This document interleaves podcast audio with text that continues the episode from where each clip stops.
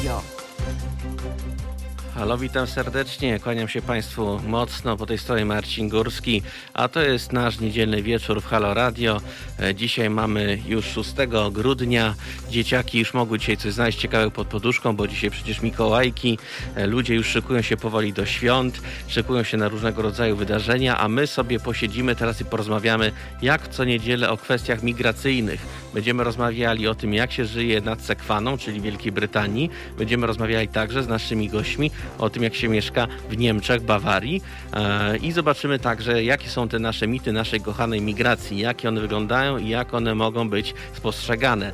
Pamiętajmy także o innych ważnych kwestiach, tak jak właśnie kwestie zdrowotne, kwestie obyczajowe, kwestie jakby naszego tożsamości za granicą, a także naszego jakby e, wyjścia z komfortu, gdy przebywamy za, na emigracji. Postaram się obalić parę mitów, pomówić trochę tych tematów, e, za co Państwa nas serdecznie zapraszam. Jak Państwo wiecie, część naszych słuchaczy także mieszka za granicą, więc jakby jeżeli by mieli Państwo jakieś e, pytania, e, ciekawe anegdoty, to też bardzo gorąco zapraszam do dzielenia się z nimi na antenie radia. Z chęcią też odpowiemy na różnego rodzaju Państwa pytania, a w międzyczasie zapraszam Państwa na dalszą część wieczoru. I oczywiście jednocześnie informuję o takich e, naszej akcji, którą prowadzimy już piąty tydzień, mianowicie mm, przejazd kampanijnego auta Halo Radio, na którym jest napisane dosyć jasno informacja, ile kosztuje nas kościół. Obecnie auto jeszcze się dzisiaj znajduje w Rzeszowie, przemierza ulicę Rzeszowa, ale już jutro będzie jechał dalej e, w kierunku Kraków, e, Krakowa i Wadowic, e, gdzie będzie do 13 grudnia, a następnie ruszy w kierunku Katowic, gdzie będzie od 14 do 20 grudnia. Następnie nastąpi świąteczno-noworoczna przerwa. Nasz kierowca też musi przecież odpocząć i spędzić trochę czasu z rodziną, przecież nie jesteśmy tacy. I następnie w nowym roku już nasz kierowca wyruszy w dalszą część podróży i zacznie nowy rok wielkim hukiem, ponieważ nasz pojazd, który informuje o e, rocznym koście utrzymania Kościoła katolickiego w Polsce, pojedzie od razu do Częstochowy i tam posiedzi sobie parę ładnych dni do 10 stycznia, a następnie ruszy w kierunku Kielc i Radomia. Przypominam także, że ta rzutka jest nieprzerwanie trwa. Więc jeżeli używają Państwo, że nasze auto z pytaniem, ile kosztuje nas kościół, musi odwiedzić przecież też nie tylko duże miasta, ale także setki mniejszych ośrodków w całej Polsce. Więc jeżeli podzielacie Państwo to zdanie, to bardzo prosimy jak najbardziej o udział w rzutce na stronie zrzutka.pl łamane kampania. Zapraszam Państwa serdecznie i za chwilę będę rozmawiał z moim następnym gościem, który już powinien być na e, linii. Halo, halo? Halo? Witam serdecznie. Od razu przedstawię naszego gościa. Moim i Państwa, a przede wszystkim Państwa gościem jest Aleksandra Karpowicz, e, polska artystka mieszkająca w Londynie nad Sekwaną już od kilku ładnych lat. E, od razu Państwa także poinformuję, że to nie jest żadna tajemnica. My się z Aleksandrą znamy z czasów studenckich, więc pozwolę sobie przejść od razu na ty z e, panią Aleksandrą. Aleksandro? Cześć Marcin. Witam serdecznie, witam się serdecznie. E, zacznę może od tego takiego tra- tradycyjnego pytania, które zadaję zawsze. Halo? Jestem, jestem. Może zacznę od takiego tradycyjnego pytania, które zadaję zawsze moim gościom, y, którzy właśnie kontaktują się ze mną z migracji i z swoich domów e, za granicą. Mm, co cię przyciągnęło, co sprawiło, że wyjechałeś kilka lat temu do Wielkiej Brytanii? Um, to już jest to, prawie dekada będzie w marcu, 10 lat to już? już jestem o w Wielkiej. Brytanii. Tak, już jestem, już jestem oficjalnie Brytyjką e, od paru lat. Um, złożyło się na to kilka, um, kilka faktów jakby, bo z reguły tak bywa. E, Pierwszym takim podstawowym było to, że pojechałam za głosem serca. E, Więc jakby to było taką po- podstawową przyczyną. E, Natomiast podjęłam tę decyzję bardzo szybko, e, tak naprawdę. I myślę, że powód, dlaczego szybko podjęłam decyzję, żeby wyjechać, e, był taki, że się w Polsce do końca dobrze nie czułam, generalnie rzecz biorąc. Em, mimo, że to jest kraj, w którym się urodziłam i z którego oczywiście pochodzę, e, w którym spędziłam większość mojego życia, do końca nigdy nie czułam się tam całkiem sobą. E, I gdzieś jakieś takie zainteresowanie, jak to byłoby żyć w, w takim Londynie. No, byłam w Londynie kilka razy wcześniej. Nigdy nie myślałam, że będę w Londynie mieszkała, szczerze mówiąc, jak, jecha, jak byłam tam wcześniej, e, ale y, stwierdziłam, że w sumie no skoro już się zakochałam i skoro gdzieś tam ten partner no, do Polski jakoś może niekoniecznie się spieszy, mimo że mu to zaproponowałam, chociaż wiedziałam, że w sumie nic z tego nie wejdzie, i, no i wszystko rzuciłam i po prostu wyjechałam, w, tak, tak jak mówię, no dosyć szybko podjęłam decyzję, więc tak naprawdę no, złożyły się na to tak dwie rzeczy. I, I trzecia, no to może taka chęć też trochę zmiany, trochę prze, przedefiniowania siebie. Bardzo mi się podobało, co powiedziałeś na początku o tożsamości, bo tak jak mówię, w Polsce nie do końca czułam się jakbym może nawet nie tyle, żebym się spełniała, co do końca nie byłam sobą. Chcemy I, być i sobą, pamiętaj, zawsze. Chcemy być sobą, tak. I gdzieś tam miałam wrażenie, że trochę pod wiatrem i szłam. I, no, i dlatego znalazłam się, gdzie się znalazłam, czyli na Wyspach. Znaczy wiesz, powiem ci szczerze, że y, gdy były robione badania jakiś czas temu przez MBP, Narodowy Bank Polski, to było w okolicach 2018 roku, to jedną z większych, y, oczywiście zdecydowana większość obywateli wyjeżdża w związku z kwestiami ekonomicznymi, brakiem pracy, niskimi płacami, niezadowoleniem, ale też był bardzo duży procent osób, które wyjeżdżało, bo właśnie była ciekawa tego świata. Mieli dużą chęć nauczenia się obcych języków y, lub też od zmiany otoczenia. To jest naturalne naturalna rzecz często. Ja ci powiem szczerze, że ja też kilka lat spędziłem za granicą, o czym wiesz. E, I też też miałem takie poczucie czasami, że tu mi lepiej, tu mi gorzej i czasami po prostu człowiek ma ochotę odprężyć się, wyjechać, zmienić otoczenie, środowisko. Tak dla własnej takiej naturalnej higieny psychicznej po prostu. Zresztą tak miał samo wielu obywateli, którzy mieszkają za granicą, że właśnie chcieli zmienić na chwilę otoczenie. No i w niektórych przypadkach to się okazało bardzo dobre dla nich. Mhm. No, jak ja wyjeżdżałam, e, to e, jakby tak od, w zasadzie od e, day number one wiedziałam, że to jest jakby bilet w jedną stronę. Nigdy nie traktowałam tego na wyjazd na chwilę, że to jest coś tam, żeby sobie sprawdzić, zobaczyć jak to będzie. E, bo wydawało mi się zawsze, że to jest, e, że może nawet Londyn nie jest ostatecznie tą destynacją, ale powrotu do Polski po prostu absolutnie nigdy nie będzie. E, że ten wiatr zawsze musi wiatr, wiać gdzieś na zachód, w tamtą stronę, czyli jak już nie w Wielkiej Brytanii, to może w Stanach. I tak naprawdę dopiero w tym roku po raz pierwszy w ogóle przeszło mi przez myśl, przeszło na razie, to nie są jakieś plany, daleko idące, ale że być może do tej Polski bym kiedyś wróciła, ale to jest takie, to jest tylko myśl, która gdzieś tam przeszła. Gdybanie. Z takim, e, takie gdybanie, um, trochę właśnie o tej tożsamości, trochę o przynależności, e, można by było tutaj dużo powiedzieć, ale po 10 latach po raz pierwszy mi to przeszło przez myśl w ogóle, e, bo w ogóle nie było w mojej głowie nawet takiej, takiej opcji wcześniej. O, przepraszam, że ci przerwę, tylko właśnie dostałem informację jednego z naszych słuchaczy, który słusznie zauważył, najmocniej Państwa przepraszam, pomyliłem kraje. Jeżeli chodzi o Sekwanę, to jest Francja oczywiście i Paryż, a w Londynie jest Tamiza. Pard- Tamiza, tak. Najmocniej Państwa przepraszam, ale dzisiaj po prostu czytałem na temat imigracji, czytam o Francji, o Wielkiej Brytanii, o Włoszech i mi się po prostu już pomylą te niektóre rejony, rzeki, za co Państwa najmocniej przepraszam.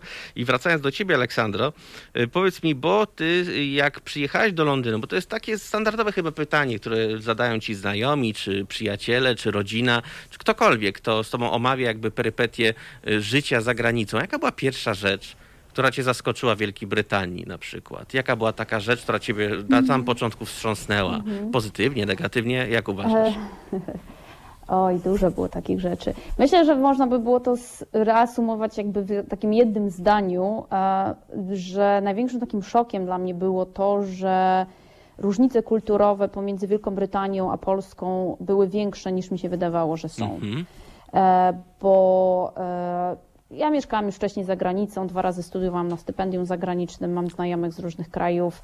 E, nie jest tak, że cały czas byłam w tej Polsce, natomiast jak wyjechałam, to zobaczyłam, że jest tak dużo różnych takich kulturowych różnic, które są dosyć fundamentalne w przetrwaniu, I, e, no i musiałam się tego od nowa nauczyć, musiałam się nauczyć brytyjskiej mentalności, zwłaszcza angielskiej, ona jest trochę inna w, w różnych krajach Wielkiej Brytanii, więc powiedzmy angielskiej, no bo w tym Londynie mieszkam, mimo że on jest kosmopolityczny i jest dużo osób z zagranicy, wiadomo, e, to, no to jednak ta kultura jest bardzo mocno angielska.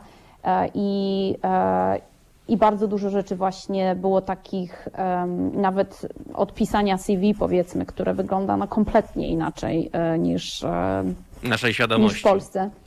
E, to znaczy, nawet takie, takie rzeczy, jak, za, jak na początku, zanim oczywiście poszłam w sztukę, no to tak zastanawiałam się, co ze sobą zrobić i jak pamiętam, napisałam CV, no to się okazało, że takie CV, jak ja napisałam e, w, pol, w po, po, znaczy nie po polsku, to było oczywiście po angielsku, mhm. ale w, w, takiej polskiej konstrukcji, ono byłoby wyrzucone, wyrzucone od razu do kosza, bo na przykład w Polsce, ja nie wiem jak jest teraz, no ale, ale podejrzewam, że się tutaj nie zmieniło, na przykład trzeba mieć zdjęcie na CV, prawda? No to jest no, Wielkiej Brytanii trend. Tak, no w Wielkiej Brytanii jak masz zdjęcie, dajesz zdjęcie na CV, no to to CV od razu idzie do kosza, bo nie można o. dawać zdjęć. Więc nawet taka, taka, no taka, niby wydawałoby się, że taka głupota, prawda? Ale jednak okazuje się, że ktoś tego nie wiedział, a przyjechał na te wyspy, na przykład jak wyszliśmy do Unii Europejskiej, no to dużo osób, którzy, które mogły być wykwalifikowane, nie dostało pracy, na którą by zasługiwali, ze względu na jakieś głupie zdjęcie w CV. E, I no oczywiście cały język, no it's interesting, kiedy wiadomo, że nie jest. No tak, wiadomo.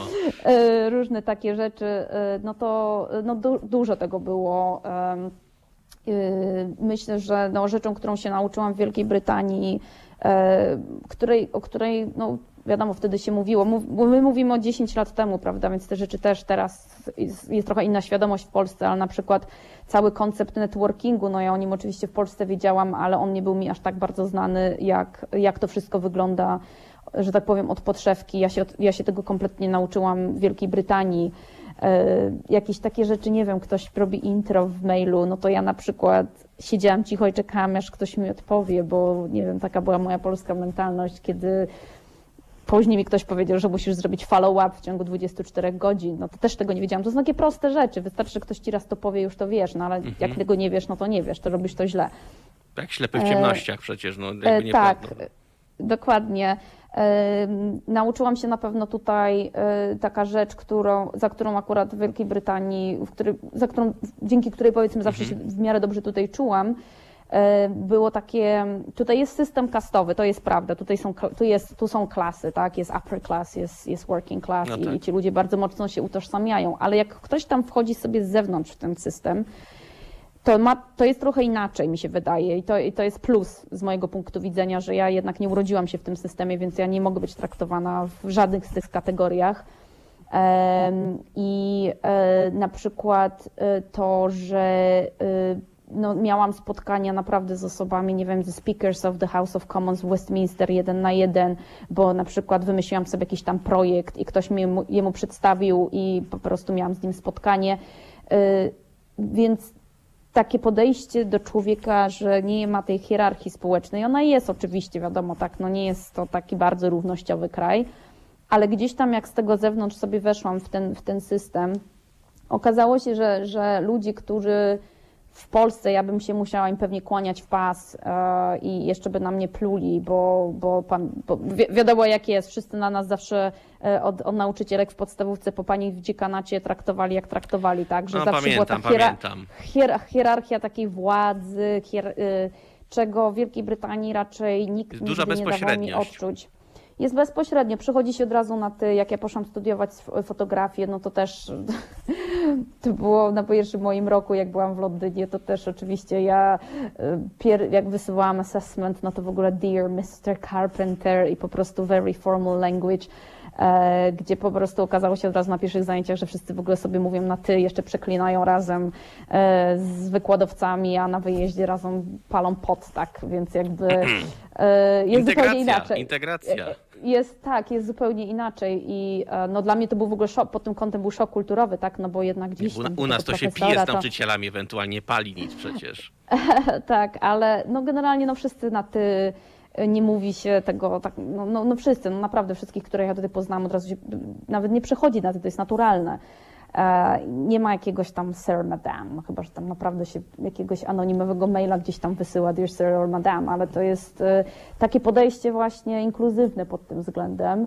E, I, I to są takie rzeczy, które na przykład bardzo mi się w tej Wielkiej Brytanii podobają i które były dla mnie takim szokiem kulturowym, ale ja od razu to w ogóle przyjęłam, czy, czy nawet ten cały networking, coś, co po prostu mnie absolutnie zafascynowało i w zasadzie dzięki temu ja w ogóle trwam powiedzmy tutaj tak naprawdę przez, ja, no, przez networking. No tak, ale powiedz mi tak szczerze, bo mm, ty pojechałeś do, Lond do Londynu, pojechałeś, prawda? Dobrze tak. pamiętam. To mhm. był Londyn, tak, tak. był de facto twoim miejscem docelowym, przynajmniej na tamtym etapie. E, wiadomo, że mm, ja mam takie wrażenie, że to jednak ta migracja, bo też tak podobnie jak tyłem byłem na wyjeździe e, Erasmusowym, no bo to był wyjazd Erasmusowy. Ja akurat trafiłem do Bolonii. Ty z tego co pamiętasz, to chyba była mhm. Litwa, ale mogę się mylić. E, w Oslo byłam przez rok A, i pół roku na Litwie. Tak, mhm. Oslo i Litwa, faktycznie. E, y, Norwegia i Litwa. E, I ja pamiętam, że zawsze to, na to podchodziłem, że ten wyjazd dla młodzieży na Erasmusa, który uważam, że to jest naprawdę każdy dzieciak powinien pojechać na Erasmusa, mhm. ponieważ to jest po pierwsze taka próba charakteru. Przede wszystkim to jest próba charakteru to jest wyjście z tej strefy komfortu, do której dzieciak mógł być przyzwyczajony przez całe lata, no bo wiadomo, że na naszym roku były dzieci, które już miały pierwsze takie przeżycia, to były dzieciaki, czy młodzież, która przyjechała spoza Warszawy studiować, tak, do, do Warszawy na Uniwersytet Warszawski. No to byli ludzie z, spoza województwa mazowieckiego, nie wiem, z Biagostoku, z Mińska Mazowieckiego, prawda, i z, z wielu innych rejonów y, Polski, więc dla nich to już była przeprawa, a dla takich właśnie dzieciaków, które jeszcze jakby taką rzecz nie przeżyli, bo studiują we własnym mieście na przykład, to taki Erasmus czy wyjazd za granicę to jest taka pierwsza jakby próba ognia, prawda? Próba mhm. charakteru i nie tylko. E, tak samo jest z migracją moim zdaniem, że może i masz poukładane, bo często czytam takie przykłady, że ktoś ma, nie wiem, poukładane życie w Polsce na przykład, e, ma rodzinę, jakąś pracę, powiedzmy, że wszystko teoretycznie jest ok, ale on jednak czuje, że pragnie czegoś więcej i czasami wyjeżdżają y, za granicę do pracy i wychodzą z tej strefy komfortu, bo praktycznie muszą zaczynać od zera, no bo wiadomo, że nie, nie wszyscy od razu mają mieszkanie, trzeba znaleźć, jakoś opłacić, wynająć, znaleźć tą pierwszą pracę, ale niektóre osoby twierdzą, nie wiem czy się zgodzi ze mną, że jak przeżyją coś takiego, to potem w dalszym życiu naprawdę łatwiej im się żyje z pewnymi rzeczami. Mm, no na pewno. Mi się wydaje, że to jest trochę jak... Um no to jest powiększanie horyzontów y, w, taki, w, takim, w takim mm, ja zawsze na to mówię, jak patrzenie na, na jedną rzecz, ale okazuje się, że patrzenie na tą jedną rzecz może być z tylu perspektyw, że nie jesteśmy w stanie sobie tego wyobrazić. E, I takie wyjeżdżanie, im więcej podróży, im więcej ludzi poznajemy, im więcej ludzi, z, z większą ilością osób rozmawiamy, e, potrafimy spojrzeć właśnie na to życie, na świat z tak wielu perspektyw, że y, przede wszystkim to nas uczy tolerancji według mnie, bo y, okazuje się, że być może jakiś punkt widzenia, który my, w który my wierzyliśmy, wcale nie może być, nie musi być najlepszym, albo nawet jeżeli wciąż uważamy, że jest lepszy niż czyjś, to wtedy jesteśmy w stanie zrozumieć, dlaczego ktoś myśli tak, a nie inaczej, skąd pewne zachowania się biorą. I na przykład w takim mieście jak Londyn, który jest no, miastem naprawdę no, najbardziej międzynarodowym miastem na świecie, no, bardziej na pewno niż, niż jakiekolwiek inne miejsce na Ziemi. E, I gdzieś tam poznanie ludzi z naprawdę z tak różnych zakątków świata e, pozwala lepiej zrozumieć tą ludzkość, prawda? Skąd, skąd pewne rzeczy się biorą taki wyjazd na studia, no też to było, jak ja sobie myślę w ogóle, kim ja byłam, jak miałam tam 20-21 lat, no ja byłam kompletnie inną osobą. Yy, te tożsamości właśnie, o których wspomniałaś, wspomniałeś, bo to, są, to jest w ogóle jedna z głównych takich tematów mojej sztuki też, bo, bo tożsamość jest, jest absolutnie fascynująca dla mnie. E, jak jechałam, nie wiem, do Oslo, no to na przykład miałam bardzo silną tożsamość, że jestem Polką. Jak byłam mhm. już na Litwie parę lat temu, e, miałam dużo mocniejszą tożsamość, że jestem Europejką niż Polką. A teraz? I na przykład już Teraz to już w ogóle to obywatel jest świata. totalnie messed up, tak, jest totalnie obywatel wszechświata. E, ja generalnie zupełnie odrzuciłam tożsamości narodowe, to znaczy odrzuciłam, no one są, tak, no bo jednak no nie, nie ukrywajmy to, że urodziłam się w Polsce i się w Polsce wychowałam, E, ma ogromny wpływ na to, jak ja postrzegam świat, tak? On jest jednak gdzieś przez tą polskość, powiedzmy, przez te moje doświadczenia życiowe, ponieważ urodziłam się w latach 80. w Polsce, na pewno ukształtowane.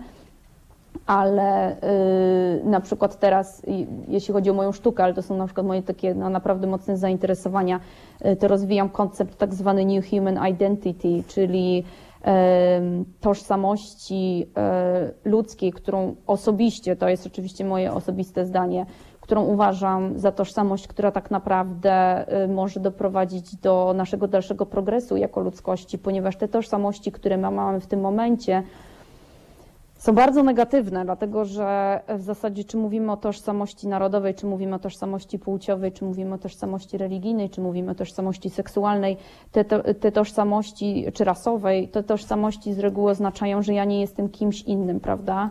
Trochę jak w Nietzsche. No tak, zdecydowanie.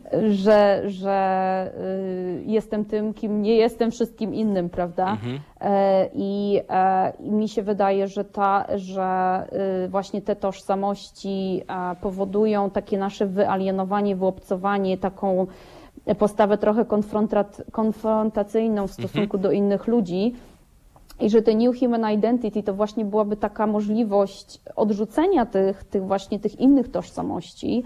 Schematów odrzu... pewnych. E, e, no właśnie, to tak, trochę tak. E, mm, I właśnie skupienie się bardziej na tym, co my mamy wspólnego, a nie czym się różnimy.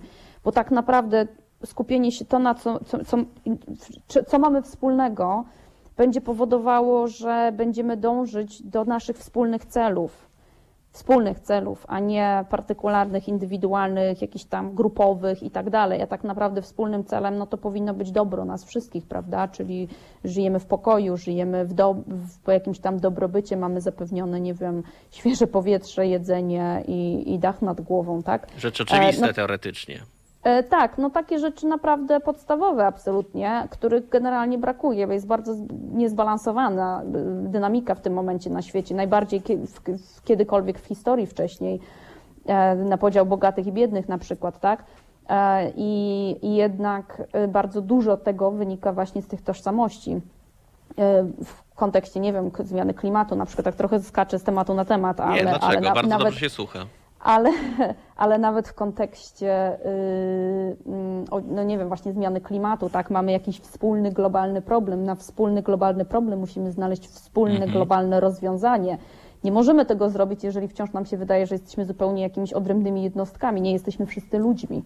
No tak, I stoimy dokładnie przed jednym problemem, który dotyczy nas wszystkich, bez względu na, na te wszystkie podziały, tak które zawsze jednak gdzieś tam są niestety, bo to jest jakoś chyba wbite w nasz kod DNA i ja też jestem osobiście zwolennikiem, żeby zerwać z tym przywiązaniem się, że jednak mamy te różnice. Owszem, różnice zawsze będą jakieś, ale one nie powinny w zdecydowanym stopniu decydować o naszych działaniach, prawda? E, tak właśnie chciałem zastanowić się jedną jeszcze rzeczą, bo ja lubię w tych programach na przykład często robię tak, że obalam czasami mity, prawda? Ja na przykład mhm. mieszkam teraz w Polsce, wiele lat spędziłem za granicą i widziałem to i owo, fajnie. Często ludzie się, mnie, mi zadawali pytania, jak wróciłem do kraju parę lat temu z, z Rzymu, y, czemu nie zostałem, prawda? Bo ludziom się wydaje czasami, są takie mity tej emigracji, że jak ktoś wyjedzie za granicę, to kraina płynąca miodem i mlekiem, że wszystko jest cudownie, fantastycznie. Jednak tak czasami nie jest, ponieważ trzeba faktycznie się utrzymać, zarejestrować, zrobić całą masę różnej papierologii, no health insurance, czyli ten opieka zdrowotna, mm. ubezpieczenie. Ty też miałaś różnego rodzaju przygody z administracją lokalną, jak przyjechałaś? Do Londynu? E, nie no, oczy, oczywiście, oczywiście.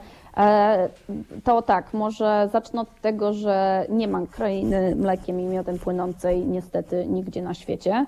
E, to jest na 100%. Natomiast jeżeli mamy dotknąć biurokracji e, brytyjskiej, no to w tym momencie znowu muszę powiedzieć, że to jest kraina mlekiem i miodem płynąca, bo biurokracja Wielkiej Brytanii jest naprawdę bardzo ludzka, jest bardzo prosta. Założenie firmy, rozliczenie z podatków, numer, numer NIP-u? znaczy tego ubez, ubezpieczenia. Healthcare, tak, ubezpieczenia. E, te rzeczy są bardzo. Najtrudniej jest założyć konto w banku, żeby było najśmieszniejsze. O. E, I tak naprawdę to jest, to jest w ogóle prawdopodobnie najcięższa rzecz, no bo wtedy już trzeba tam mieć zatrudnienie i tak dalej, tak? No Także tak. sobie tak nie otworzysz konta po prostu jak w, jak w Stanach, że w ogóle wchodzisz z ulicy i masz konto w banku. Ale cała ta reszta rzeczy jest e, jest banalnie prosta. Jest banalnie prosta. Ja y, mam, mam, mam firmę swoją, jestem, yy, można powiedzieć, to jest solo trader się nazywa, czyli jakby jednoosobowa tak działalność, działalność gospodarcza. E, miałam też firmę, którą zresztą teraz zamykam e, i jedno i drugie było absolutnie banalnie proste, żeby założyć. Ja się sama rozliczam z podatków, nie, nawet nie mam żadnego księgowego, bo to jest po prostu banalnie proste. E, miałam problemy, nie z mojego powodu, z urzędem skarbowym. Nie chcę, nie będę wchodziła w szczegóły, e, bo, no, znaczy, bo to akurat jest tam nieistotne w tym kontekście. Natomiast e, miałam, miałam jakieś tam problemy z nimi, no trochę zostałam wpakowana w coś, czego co nie powinnam płacić, no ale już nieważne. W każdym razie, y, no i rozmawiałam na przykład właśnie z jedną księgową, bo chciałam się jej zapytać w ogóle, co ja mam zrobić w takiej sytuacji, no bo oficjalnie będę musiała zapłacić podatek i to, i to niemały. E, I, I co mam zrobić? I ona mi powiedziała, że po prostu ja muszę z nimi porozmawiać i powiedzieć, no jak nie możesz, to musisz im powiedzieć, że nie masz. No tak, to, to, to tak czasami jest, ale cóż. I, no. I, I faktycznie, i to było bardzo ludzkie. Ja po prostu mówię, że nie mam, i no to co możesz, to zapłacisz, co nie możesz, to rozłożymy na pierdylion lat, tak, e, świetlnych, i, i po prostu e, no nie ma czegoś takiego, że będziecie ktoś tam ścigał za coś, za coś, czego nie możesz zrobić. Jeżeli e, przez pomyłkę tam chyba nawet jakieś dali mi kary, bo coś tam nie zapłaciłam, to po prostu jak zadzwoniłam i powiedziałam, że, że nie zgadzam się, to mi to odwoływali. I to było naprawdę proste i to było bardzo ludzkie. Nie ma jak u nas, że komornik puka do drzwi z wezwaniem sądowym, zamykają ci konto, a ty nawet nie wiesz o co chodzi, bo wezwanie gdzieś tam utknęło po drodze, bo u nas jest tak cudowny przepis w KPA, że dwa razy niedostarczona korespondencja jest uznana za dostarczoną.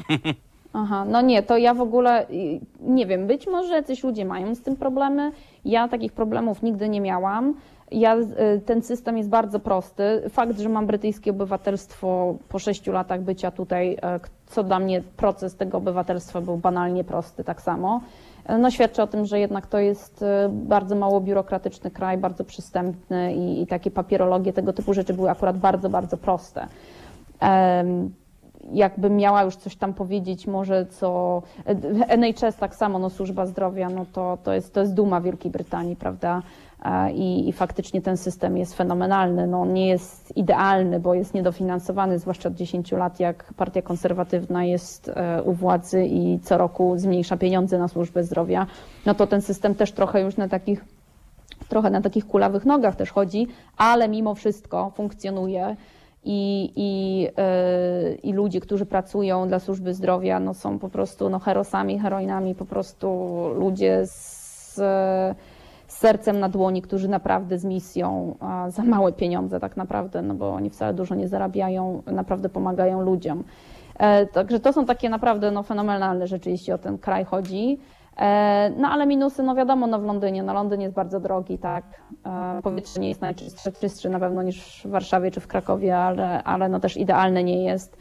E, mm, no na pewno jakieś tam parę minusów bym znalazła, na pewno cenowo, tak, no bo jednak ta jakość życia pod tym kątem, pod tym względem akurat jest na Londyn jest bardzo drogi. No nie, jest potwornie drogi. Często jest taki mit właśnie o ludziach mieszkających za granicą, że no lepiej się zarabia. Owszem, podobne stanowisko w Polsce na przykład może, nie wiem, dawać ci 4 tysiące złotych netto, a na przykład w Rzymie, w Paryżu, w Berlinie podobne stanowisko da ci, nie wiem, 4 y, tysiące euro. Owszem, fajnie, w przeliczeniu na razy 4,2 wychodzi ponad 16 tysięcy złotych, ale z punktu widzenia mieszkania w Berlinie czy w Londynie, to ta kwota nie jest taka kosmiczna, bo są bardzo duże yy, koszty utrzymania. I to często tym nasi, mieszkań, nasi, nasi obywatele, którzy wierzą w ten mit yy, cudownego, cudownego jakby życia, yy, zapominają. I o tym też trzeba im często tak. przypominać. E, wybacz mi, Aleksandro, ale teraz zaproszę Cię na chwilę na małą przerwę, e, ponieważ musimy zrobić malutką przerwę e, muzyczną i za niedługo do Ciebie wrócimy z kolejnymi pytaniami dotyczącymi jakby tego życia na migracji nad Tamizą, zaznaczam. Poprawiam ponownie swój błąd. I za chwilę Państwa zapraszamy po tej krótkiej muzycznej przerwie. Zapraszam.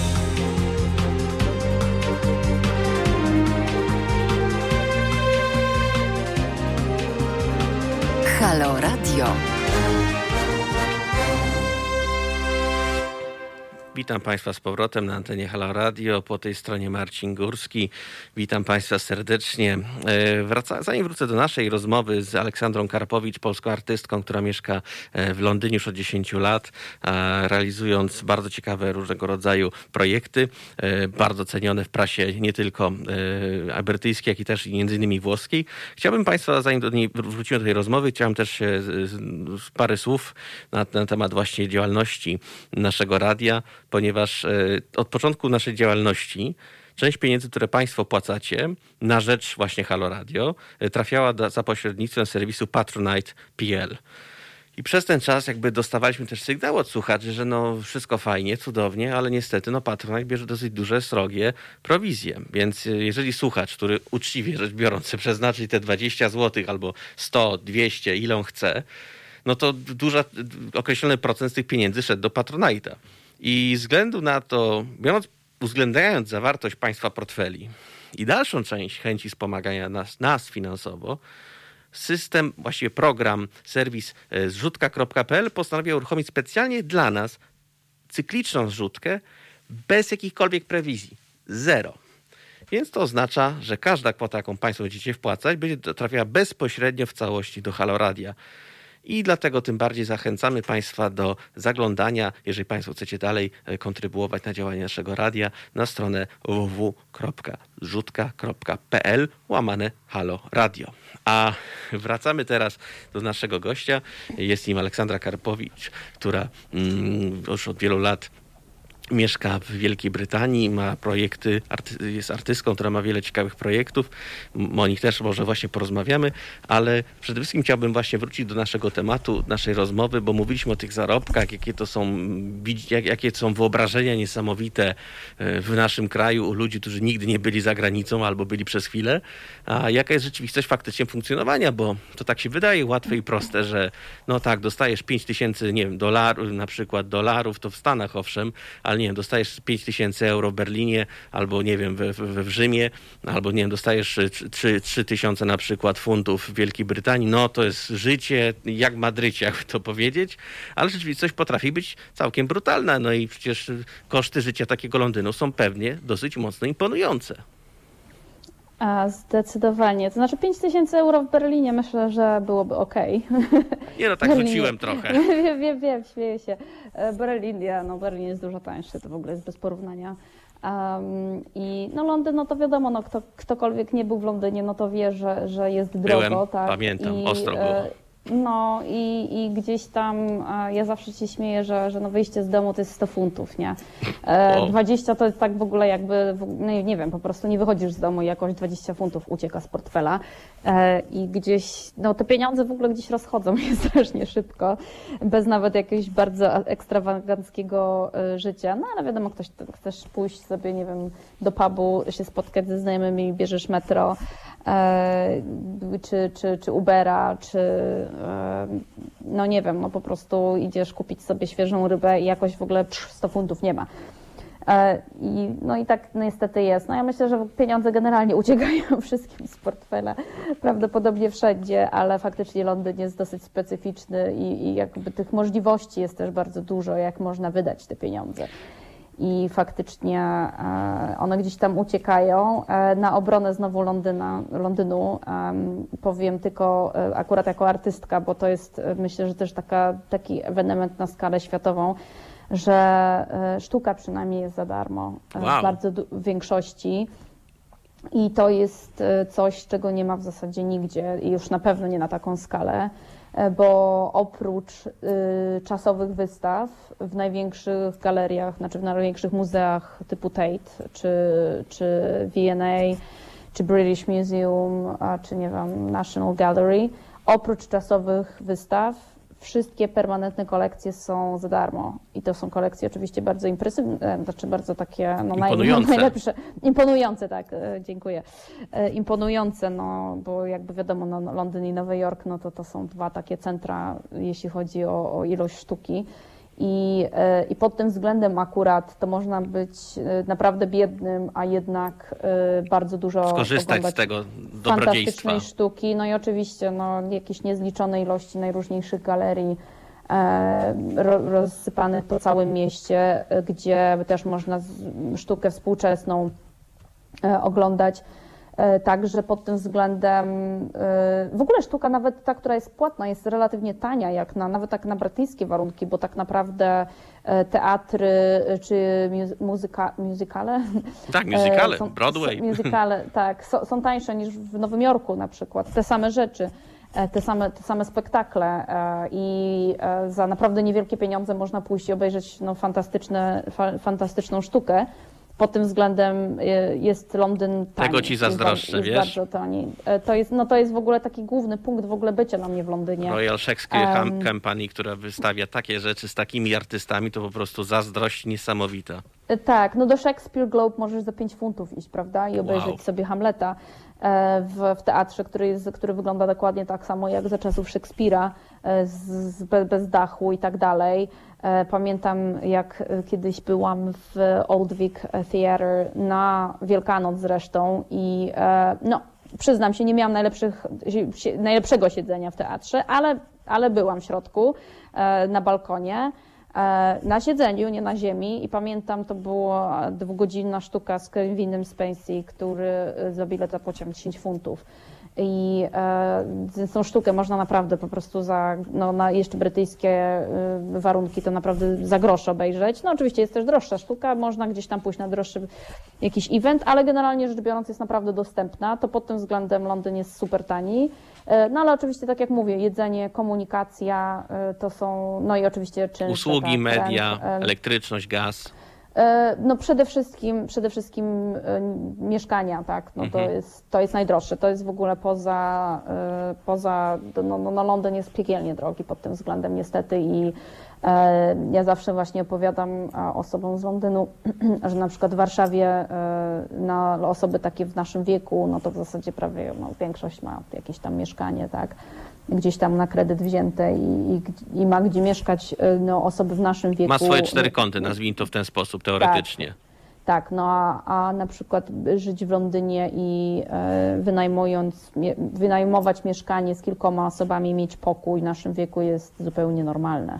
Mhm. E, I e, no to na przykład też był dla mnie taki szok, tak, że gdzieś tam na jakąś parapetówkę poszłam, jak przyjechałam do Londynu do jakiejś dziewczyny, która miała 40 lat i mieszka z flatmate'em. No dla mnie to był w ogóle szok, szok kulturowy, no jak to z flatmate'em mieszkać w tym wieku. No w Wielkiej Brytanii, tutaj w Londynie to jest zupełnie normalne. No tak, no to właśnie o tym e, mówiłem właśnie jak na początku tak. rozmawialiśmy, że to wyjście z tej strefy komfortu. Pamiętasz, że właśnie e, niektórzy ludzie wyjeżdżają za granicę, myślą sobie, dobra, podbiję ten świat, nie wiem, podbiję ten Londyn, ale na wejściu na przykład jest kwestia mieszkania i okazuje, że guzik, no nie wynajmiesz mieszkania czy nad kawalerki w Londynie, czy gdziekolwiek indziej tak po prostu, no bo żeby się po pierwsze, e, to są olbrzymie koszta i często trzeba się po prostu ponownie przyzwyczajać w pewnym wieku do czasów, gdy się na przykład mieszkało z kolegami na studiach albo koleżankami. No, przypamiętasz te różne nasze parapetowe imprezy na studiach. No przecież myśmy odwiedzili tak różne lokalizacje, bo i to było właśnie, wiesz, albo akademik to akademik, ale tam ludzie też i mieszkali właśnie. Pamiętam, że byliśmy kiedyś 100 lat temu na jednej imprezie e, i to właśnie była impreza w Kawalerce, gdzie mieszkało chyba z pięć osób, więc w ogóle byliśmy w, w szoku. Jak to pięć? Gdzie? Co? Jak? W ogóle? O co chodzi? No i tak to było, no. A, I wyobraź sobie, że masz na przykład, przykładowo 30 parę lat, a dobra, pojadę, zdobędę ten świat i nagle będ, wracasz do etapu, gdy się było na studiach i się mieszkało w jednym pokoju z dwoma osobami na przykład. Dokładnie. Może tak, no, jeden pokój z dwoma osobami to jest ekstrem, ale, ale faktycznie no, dzielenie, dzielenie domu czy mieszkania no, to jest bardzo powszechne u, u, bardzo wielu osób. No wiadomo, jak ktoś tam jest w związku, no to zawsze jest trochę inaczej, no bo wtedy dzieli to z jakimś tam partnerem, tak? Mhm.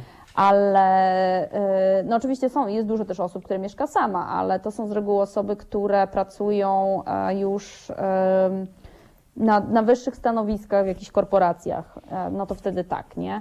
Ale, ale jak ktoś pracuje, nie wiem, nawet w sztuce bardzo często ludzie, nie mówię o artystach, tylko, tylko w ogóle o osobach, nie wiem, pracujących w galeriach, e, czy cała masa różnych innych, innych e, e profesji, e, to, no to faktycznie te, te um, kwestie mieszkaniowe są na dużo niższym poziomie, dużo niższym niż w Warszawie.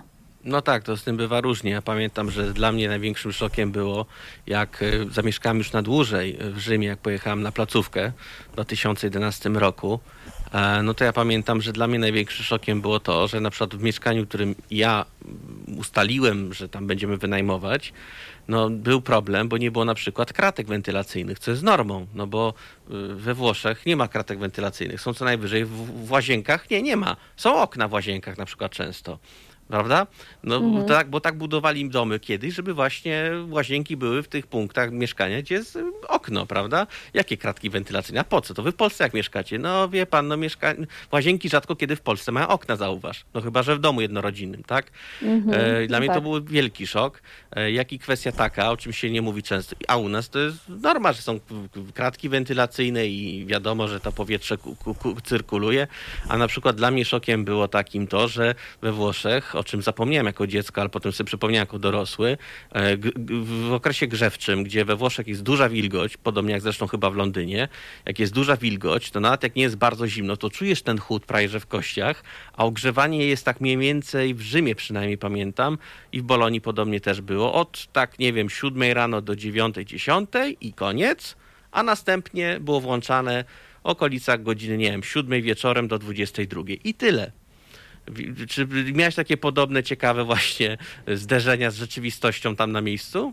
E, to znaczy, zawsze gdzie mieszkałam, to ja mogłam kontrolować um, ogrzewanie, więc takiego czegoś nie było. No ale to ja myślę, że takim najbardziej znanym klasykiem, którego, o którym nawet dzisiaj myślałam, bo ja po prostu nigdy tego nie zrozumiem, to są dwa krany. A, tak, rzeczywiście, tak. To, to jest, jest, to jest po prostu coś, czego ja, to znaczy zarys był generalnie, zamysł był taki, że sadzało się korek, tak, do, do do zlewu i, wlewało się trochę ciepłej, trochę zimnej wody i się myło w ten sposób ręce, żeby to nie pod bieżącą wodą. Mhm. Ale jakby już minęło trochę lat od tego, jak to mogło być w jakikolwiek sposób praktyczne, a jednak e, tutaj przywiązanie do tradycji jest bardzo silne i pomimo y, absolutnie niepraktyczności tego w ogóle designu. Wymysłu. W ogóle, który jest po prostu tak głupi, że nawet 10, po 10 latach mieszkania tutaj ja nie jestem w stanie zrozumieć bez sensu tego, e, to mimo wszystko wciąż nawet nowe mieszkania e, mają instalowane dwa krany, ciepły i zimny. Po prostu albo sobie parzysz łapkę, albo mrozisz, jakby, albo nie wiem, przeskakujesz, to jest mój e, no. patent, no. po prostu z jednego na drugie. Także zupełnie, jest, zupełnie bez sens. Więc takich rzeczy ouch, mieszkaniowych, tak. Nie no. Więc to, to, to pierwsza rzecz, jaka mi przychodzi do głowy. E, pewnie tego byłoby więcej, ale ale nic mi nie przychodzi innego do głowy z takich właśnie. Nie, no to są. Słuchaj, ale tutaj kratek wentylacyjny też nie widzę teraz. Tak sobie siedzę, patrzę i tak. No właśnie, bo u nas na przykład zawsze jest ta wentylacja. Ja nie pamiętam, żeby właśnie zawsze jak na przykład y, Włosi, Hiszpanie byli w Warszawie, bo ja też kiedyś wynajmowałem mieszkanie Hiszpanom yy, i Włochom przez jakiś krótki czas, to oni byli zachwyceni tym, że to jest niesamowite, że my tu robimy, nie wiem, gotujemy coś i to znika po niedługim czasie, bo kratka wentylacyjna, a u nas jak coś rozgotujesz, to od razu okno trzeba otwierać. No bo wiadomo, że to, to jest taki odruch. No ale u nas przy naszych temperaturach umówmy się tam, bo teraz tych zim u nas takich mocnych nie ma, ale czasami się zdarzały takie, że otwarcie okna było tylko dla odważnych. Ale mm. powiedz mi, y, w sumie tak naprawdę też jak tam już tak siedzisz kilka ładnych lat, masz swoje projekty, w sumie już częściowo jakby tam jesteś jakoś tam umocowana, prawda? Masz też brytyjski paszport. Y, powiedz mi, ale jak są takie momenty, jak tam jesteś, to za czym naprawdę tak na przykład tęsknisz? Ty jesteś, nie wiem, jesteś w, w Londynie teraz i nie wiem, za czym tęsknisz na przykład w Polsce? Hmm. Tough question, jak to mówią Brytyjczycy. Tough question. No na pewno tęsknię za rodziną. Chciałabym się z rodziną częściej widywać, A, no tak. E, bo, bo nie widujemy się zbyt często. E, tęsknię za, za przyjaciółmi z którymi się też bardzo rzadko widuję, aczkolwiek e, no, bardzo duża część moich najlepszych przyjaciół z, z Warszawy wyjechała. W zasadzie to mam, to mam, mam oczywiście tam różnych znajomych, ale, ale e, bardzo, bardzo duży procent takiego mojego e, core friendship nie jest w, w Warszawie. Mhm. Także też du, dużo osób się rozjechało, porozjeżdżało. Za czym tęsknię? Hmm. Często ja słyszę w odpowiedziach, jak rozmawiam z innymi, innymi osobami mieszkającymi za granicą, że na przykład bardzo często tęsknią za tą rodzinną kuchnią, na przykład polską, bo owszem, w Londynie obywateli polskich nie brakuje, więc pewnie jest nietrudno znaleźć sklep z polskim jedzeniem albo restaurację polską, nawet można przecież znaleźć w Londynie z tego, co mi wiadomo, tak samo jak nie wiem, w Chicago albo już Rzymie od niedawna, mm -hmm. ale jakby nie patrzeć, to ta atmosfera rodzinna z tą rodzinno, rodzinną, typ, tradycyjną kuchnią, to tak zawsze ta łezka wokół się pojawia, jak się o tym człowiek pomyśli, Trochę prawda? Tak, ale, ale no nie będę ukrywała, że nie jestem największą fanką polskiej kuchni, więc, e, więc pod tym względem e, rzadko za czymś tęsknię. Um, może kilka specyfików przez babcie robione a, albo, albo rodziców, ale to są naprawdę no, takie rzeczy, że w zasadzie, no wiem, że jak przyjadę to będzie, ale jak tego nie zjem, to, to też nie ma tragedii. Ale kuchnia brytyjska chyba do łatwych nie należy. Nie, no brytyjskiej kuchni to w ogóle nie ma co komentować, ale, ale, no, ale jeśli chodzi o jedzenie, no to znowu Londyn, prawda? No w Londynie można Multikulti. absolutnie wszystko, co by człowiek sobie nie wymyślił, to może w Londynie dostać. Nie tylko w restauracjach, ale też na marketach czy, czy w sklepach. E, także pod tym względem jest fajnie, bo bardzo można odkrywać dużo fajnych rzeczy. E, I um, także ja nie, nie jem czegoś, jakiegoś jednonarodowościowego jedzenia, mhm. powiedzmy, diety, tylko, tylko, różne, różne rzeczy próbuję i, i to pod, pod tym względem też jest fajne. Nie no tak, zdecydowanie, bo to, to, to też to jest może nic takiego niesamowitego, odkrywczego, ale odkrywanie nowych rzeczywistości, nowego jakby stylu życia i także możliwości odkrycia nowych kuchni też daje bardzo wiele ciekawych wrażeń i doznań, o których e, trudno jest tak po prostu przejść obok, prawda? E, dobrze, no w tej sytuacji wiesz, no zawsze to tak wygląda ale powiedz mi tak szczerze, y, gdybyś na przykład miała, y, powiedzmy, że ktoś by się do ciebie odezwał, tak? I powiedział, słuchaj Ola, y, nie wiem, w przyszłym tygodniu planuję wyjechać do Londynu, chciałabym przyjechać na dłużej, e, nie wiem, zamieszkać, popracować. Jakie byłyby rzeczy, na które byś, nie wiem, zwróciła uwagę takiej osobie, żeby, e, nie wiem, miała na uwadze? No, co powinna mieć przygotowane? Na jakie rzeczy powinna mieć e, wyostrzoną jakby tą swoją atencję? Myślę, że, że Problem teraz polega na tym, że to, co ja bym powiedziała parę lat temu, będzie zupełnie inne od stycznia, dlatego mhm. że od stycznia mamy Brexit. No tak. I ta rzeczywistość będzie zupełnie inną rzeczywistością. Jest, nie wiem, czy wiesz, że rząd brytyjski e, wprowadził teraz system punktowy dla osób przyjeżdżających do Wielkiej Brytanii. A to jest ciekawe. Nie słyszałem. No tutaj w ogóle dużo ciekawych pomysłów pada, także no, trochę włosy na głowie stają, szczerze mówiąc. Tak, Borys podobno ma dużo ciekawych pomysłów. E, no to już ja nawet nie chcę politycznie wchodzić w to, bo to jest absolutna katastrofa ten rząd. E, I, I, szczerze mówiąc, no to ja, tak jak mówię, odkąd przyjechałam do, do Wielkiej Brytanii, to w zasadzie torysi są u władzy i, i co rząd, to za każdym razem mi się wydaje, że nie może być gorzej. Okazuje się, że że, że nie można mówić, że nie może być gorzej, bo zawsze może być gorzej. Mhm. I y, według mnie, y, moje skromne zdanie, rząd jest absolutnie niekompetentny. E, natomiast, no i oczywiście jest zbudowany na absolutnym populizmie i no oczywiście cały Co za nowość, prawica i populizm, prawda? Tak, no tylko też umówmy się, prawica Wielka Brytanii nie ma nic wspólnego z prawicą no nie, w Polsce. Nie, nie, oczywiście, bo, że nie. Bo polskie centrum to jest prawica Wielkiej, skrajna prawica w mhm. Wielkiej Brytanii. Bo światopoglądowo to, no to torysi to jest polska lewica, prawda? No tak, jakby nie e, Także takich pomysłów jak w Polsce powstają, to tutaj by się nawet nikt nie odważył powiedzieć na głos. Ale nie zmienia to faktu, że oczywiście y, Brexit jest absolutnie populistyczną decyzją, to jest totalny brainwash społeczeństwa, które trwało od wielu, wielu lat, więc jak, jak akurat była były wyniki referendum, no to ja nie byłam, byłam załamana, ale oczywiście nie był to dla mnie aż taki szok, bo widziałam, co się działo tutaj przez lata, nie, no taka, jakie rzeczy no... były w gazetach i tak dalej. E, natomiast wracając do, do systemu e, imigracyjnego, e, to będzie to właśnie od stycznia zostaje wprowadzony system punktowy, także takie osoby z Wielkiej z Unii Europejskiej jak ja nie będą mogły sobie tak po prostu przyjechać i zobaczyć jak to będzie, tylko będą musiały mieć zatrudnienie, będą musiały mieć sponsora, będą musiały mieć e, punkty za znajomość języka, za edukację, za, e, no, za cały szereg różnych rzeczy, za, za zdolności, za, no, generalnie tam trzeba mieć minimum jakiegoś wykształcenia, minimum znajomości języka i tak dalej, i tak dalej, minimum pensji też. Mhm. No totalny strzał oczywiście w kolano, to jest w ogóle, to będzie masakra. I idea była taka, że system imigracyjny będzie zrównany dla wszystkich przyjeżdżających do, do Wielkiej Brytanii bez względu na to, czy są z, z Europy, z, jakiego, Afryki, z dokładnie. skądkolwiek. Dokładnie i będzie, no oczywiście załamie się totalnie imigracja, już się załamała zresztą, mhm. imigracja z, z Unii Europejskiej i no i oczywiście jak ktoś przyjeżdża na taką wizę, jest zatrudniony, no to nie może sobie tak po prostu, nie wiem, rzucić pracy, czy, czy zacząć podróżować, wrócić znowu, tylko no jak kończy pracę, no to kończy mu się wiza, musi wyjechać. Mhm.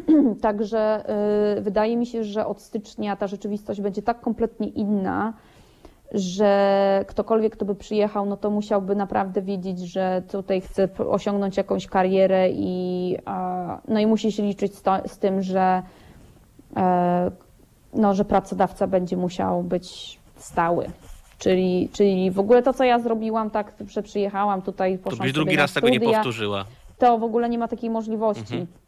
Ja w ogóle jakoś tak się załapałam, jakby takim rzutem na taśmę w ogóle z kilkoma rzeczami, bo jak na przykład przyjechałam i poszłam na studia, e, studiowałam przez rok fotografię na University of the Arts, to, yy, to był ostatni rok, kiedy studia były, ja musiałam za nie zapłacić, ale to nie były jakieś wielkie pieniądze, mhm bo studia były wciąż y, trzy czwarte y, fundowane. było fundowane przez państwo. Hmm. I dokładnie rok później, to był ostatni rok, i rok, dokładnie rok później y, studia przestały być dofinansowywane. One są piekielnie drogie. Od razu o 8% spadła liczba osób wykształconych. Z, niewykształconych, tylko osób, które przy, tak zwany domestic students. Domestic students mhm. jeszcze wtedy, zresztą teraz jeszcze aż do stycznia to są wszyscy ludzie z Unii Europejskiej i z Wielkiej Brytanii. To jest domestic, no nie? No tak. No od stycznia to już domestic to będzie tylko UK.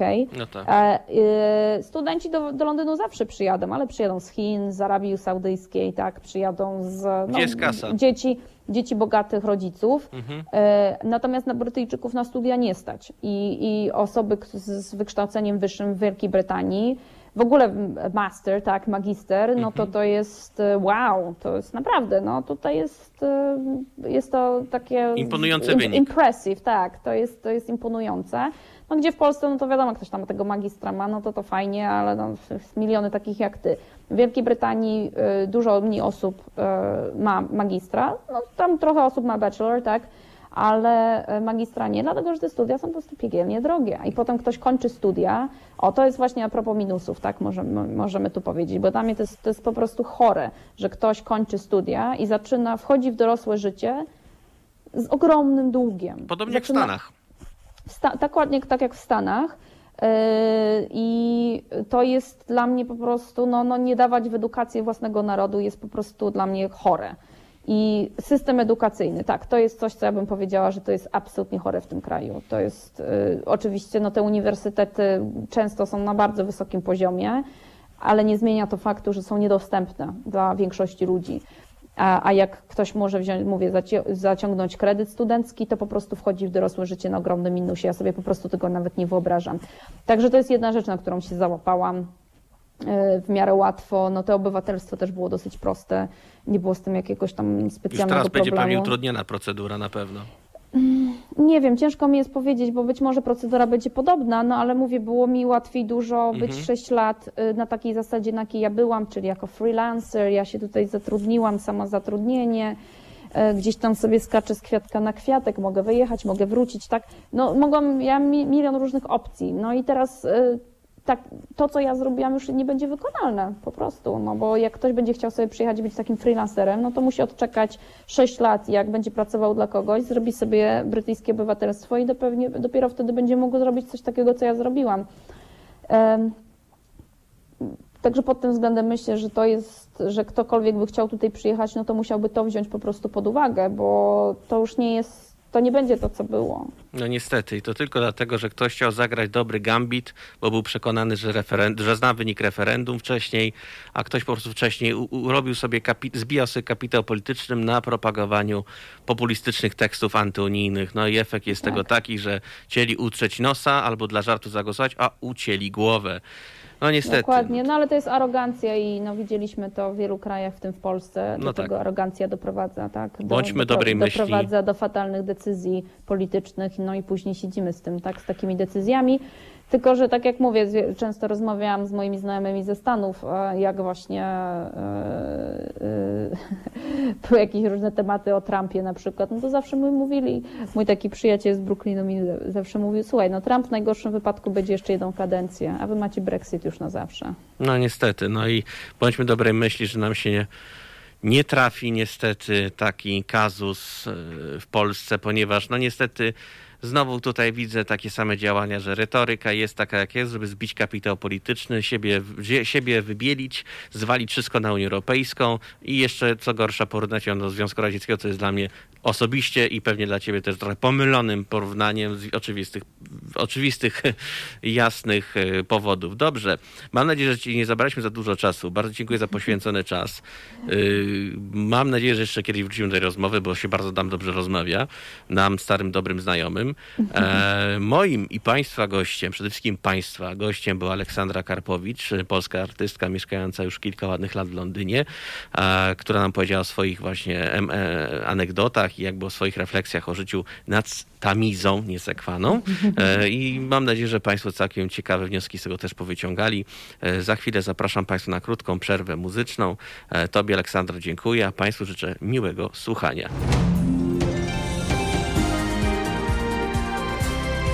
Halo Radio. Witam Państwa serdecznie na antenie Halo Radio. Kłaniam się mocno. Po tej stronie Marcin Górski. A parę słów jeszcze ode mnie po tej mojej przerwie, ponieważ pamiętajmy, że to już piąty tydzień, a wkrótce rozpoczyna się szósty już jutro naszej kampanii społecznej. Ile kosztuje nas Kościół? Od, 30 od, do 6 grudnia, czyli do dzisiaj, nasza kampanijne auto przemierza ulicę Rzeszowa, a już jutro ruszy w kolejnym kierunku, mianowicie w kierunku Krakowa, a następnie Wadowic, żeby informować dalej y, ludzi zainteresowanych, ile kosztuje, jaki jest roczny koszt kościoła e, w, Polsce. To jest dokładnie 20 miliardów złotych, co jest dosyć sporo, bo jak porównamy to do kwoty zadłużenia szpitali, które wynosi 14 miliardów złotych, no to dosyć duże, no takie jakby nie, dosyć mocne, jakby nie patrzeć dane. Jednocześnie też informuję, że ten pojazd będzie jeździł przez Kraków i Wadowice, potem kieruje swoje kroki, czy tam ruchy jazdy do Katowic, gdzie będzie do 20 grudnia. Następnie przerwa świąteczna, i potem już nowy rok nasz kierowca przejedzie e, autem e, do w kierunku Częstochowy, gdzie będzie przybywał do 10 stycznia, a następnie będą Kielce, później Radom. Ale zaznaczamy, pamiętajmy, że to nie tylko chodzi o miasta takie duże czy średnie, ale nas interesuje, żeby ten pojazd przemierzał także inne miasta, miasteczka, powiaty, żeby też coraz więcej osób się mogło dowiedzieć, ile kosztuje faktycznie nas polski kościół rocznie. Więc jeżeli Państwo chcecie kontrybuować, żeby ta akcja trwała dalej i dalej i dalej, to gorąco zapraszam na stronę zrzutka.pl łamane kampania. I wracając do naszych tematów emigracyjnych i innych różnych, to wsiadamy na nasz radiowy latający dywan i z Londynu przemieszczamy się w rejony do Niemiec, w rejony Bawarii, konkretniej Monachium, bo już tam powinien na nas czekać nas następny gość, który nam opowie co nieco o swoich refleksjach i przemyśleniach, e, jeżeli chodzi o życie za Odrą, rejonach właśnie Bawarii. Moim i Państwa gościem jest, uwaga, uwaga, Maciej Schumacher, który znajduje się w Niemczech, mieszka już tam kilka ładnych lat i podzieli się z nami swoimi refleksjami. Halo, halo? Dobry wieczór Marcinie, dobry wieczór Państwu. Dobry wieczór Macieju. E, Nie jest tajemnicą, też się trochę znamy z panem Maciejem, więc pozwolę sobie przejść z pan na ty. Pozwolisz? Przejdźmy. Przejdźmy. Będzie łatwiej. Przejdźmy, przejdźmy. E, Dobrze, e, drogi Macieju, szybka sprawa, krótkie pytanie na samym początku, takie jakie zawsze zadaję każdemu, z kim zaczynam rozmowy o sprawach mm, pobytowo-zagraniczno-migracyjnych. Jak to się stało, że trafiłeś do Niemiec? A to jest troszeczkę nierówna gra, dlatego że Tobie jest bardzo łatwo jest zadać bardzo krótkie pytanie, natomiast odpowiedź na tego typu pytanie jest e, bardzo zawiła i mamy tylko niecałą godzinę na to. Więc nie chciałbym się ograniczyć tylko do jednego pytania, ale jeżeli mam skrócić i się streszczać, to w przypadku e, pani Aleksandry, mojej poprzedniczki, e, jakby takim powodem, dla którego e, wybrała Mhm. wyspy, była chyba, z tego co pamiętam, była chęć poznania czegoś nowego, tak? Mhm. chęć wyzwań. Również taka, taka ciekawość sprawdzenia siebie, jak to będzie. Jak, jak, jak się odnajdę, jak to będzie wszystko wyglądało. W moim przypadku Każdy było wyjazd ma inne korzenie. podobnie. Tak, tak, ale w moim przypadku było to e, jakby tutaj e, zbieżne tutaj z e, powodami, dla których pani Aleksandra udała się do Wielkiej Brytanii, ponieważ sam przed wyjazdem do Monachium mieszkałem przez dwa lata właśnie na wyspach. E, przez pewien czas w Bristolu, potem przeprowadziłem się pod Londyn, ale to nie była moja bajka. To nie była moja bajka, z kolei e, w Niemczech mieszkam już prawie 8 lat, e, a powody no, takie prozaiczne, też chęć sprawdzenia się W nowej rzeczywistości. w, w nowej rzeczywistości, w nowych okolicznościach, ale też troszeczkę takim Mhm. czynnikiem, który zadecydował o mojej emigracji, był taki bardzo czysto rozsądkowy e, czynnik, e, bardzo prozaiczny zresztą, mianowicie mój syn. E, Mój syn 8 lat temu miał niecałe 3 lata i uznałem, że będzie to chyba najlepszy moment dla niego, aby rozpoczął już przedszkole w nowym kraju. Bo uznałem, że jeżeli, no dobrze, 3 lata będzie w przedszkolu, Szkoła rozpoczyna się tutaj, e, rozpoczynają dzieciaki jako sześciolat, sześciolatkowie, sześciolat, sześciolatki, sześciolatkowie, już nie pamiętam. E, Mają sześć lat. e, Lub w, wieku, lub w wieku siedmiu lat. E, e, No to tak uznałem, że dobrze, trzy lata to jest no, taki optymalny czas, żeby mógł się e, oswoić z językiem i tutaj, tutaj jakby z rzeczywistością. Zresztą dzieci e, chwytają to o wiele szybciej niż dorośli. I No dlatego tak, uznam, że jest to jeden z ostatnich, że jest to jeden z ostatnich momentów, w którym mogę sobie to tak zaplanować. Jako, że, jako, że uważam, że takie, takie przedsięwzięcia należy bardzo rozważnie zaplanować. To, to, to, to się może wydawać bardzo proste, że e, raz byłem w Niemczech, e, napiłem się tutaj piwa, poznałem fajną atmosferę, mówię, a w tych Niemczech musi być super, jak tu jest, jak tu jest bajecznie, jak tu jest psiejsko-czarodziejsko. E, Rzeczywistość jednak e, stawia duże wyzwania i trzeba im e, sprostać, a to wymaga planu. No nie, zdecydowanie, tak zawsze jest. Ponieważ zawsze jak się w wydaje, moim że... przypadku akurat tak było. Bo tak zawsze się wydaje, że hulaj, przygodo, nie ma problemów, będzie pięknie, fantastycznie, a ja sam pamiętam, że y, widziałem wiele takich y, przypadków, że właśnie dużo osób chciało wyjechać, za, zdobyć świat i w ogóle oczarować wszystko, co się da, zdobyć fortunę, taki a, powiedzmy American Dream w innym kraju się spełni, będę sup, będzie super. No ale cóż, tam na miejscu jednak jest duże zderzenie z takiej ściany z rzeczywistością autentycznie i to czasami jest takie zderzenie jak z betonowym murem nieraz i niejednokrotnie ludzie po prostu się w tym nie łapią i często wracają z powrotem. A powiedz mi, gdy już trafiłeś do, y, do Niemiec, do Bawarii chyba. Ale przepraszam, jeżeli mogę wtrącić jeszcze krótko. Oczywiście. Ty, ty przez długi czas mieszkałeś w Rzymie, prawda? Rzym, Rzym, tak. U mnie to był głównie No Rzym. więc ja jestem, ja jestem absolutnie zakochany we Włoszech. E, We, Ja mam podobnie. Jejku, ja mam jakiś, no to słuchaj, jestem nie, nieprawdopodobnie, wiesz, byłem w Toskanii naprawdę niezliczoną ilość Mhm. razy. I za każdym razem sobie tak myślę, kurczę, gdyby tak tą e, Wszystko tę rzucić i starość- wyjechać do Toskanii. Gdyby się, gdyby, się tak, gdyby się tak zestarzeć w tej Toskanii, w tym takim domku. No dobrze, tylko wiesz, w momencie, kiedy ja tam wyjeżdżam na 2-3 tygodnie e, do agroturizmo, No, to- wracam z miłymi wspomnieniami, e, nie mam gdzieś tam z tyłu głowy, jak wynająć mieszkanie, jak się utrzymać, jak pójść do lekarza, jak się dogadać przede wszystkim po włosku. E, To są takie właśnie Zarejestrować, e, chwilowe, chwil, chwilowe zauroczenia, które, e, którymi się ludzie karmią tak? I, i myślą sobie, o jakby to było fajnie, gdybym jednak faktycznie e, resztę lat swojego życia spędził w takiej Toskanii. No to nie, jest... Nie, no tak, to to tak się jest wydaje. To, to się tak wydaje, ponieważ dużo osób się mnie pytało, kiedy ja wróciłem parę lat temu właśnie z Rzymu, a czemu nie zostałeś? Przecież Rzym jest taki fantastyczny, Toskania taka urocza, fantastyczna, no genialna, czy tam Mediolan. Owszem, to wszystko jest fajne i fantastyczne, tylko ja czasami muszę tłumaczyć niektórym ludziom, że życie w Rzymie to nie jest jak w filmie Felliniego Dolce Vita albo nie wiem, e, e, Wielkie Piękno Sorrentino, prawda, bo wszyscy ten film obejrzeli byli zachwyceni, ale to jest brutalna, okropna, paskudna i niejednokrotnie śmierdząca rzeczywistość, ponieważ no, ludzie nie łapią tego, bo pojechali na parę dni, wszystko cudownie, fantastycznie, pięknie, słodko, a tutaj jednak niestety są pewne trudności na początku, jak zawsze.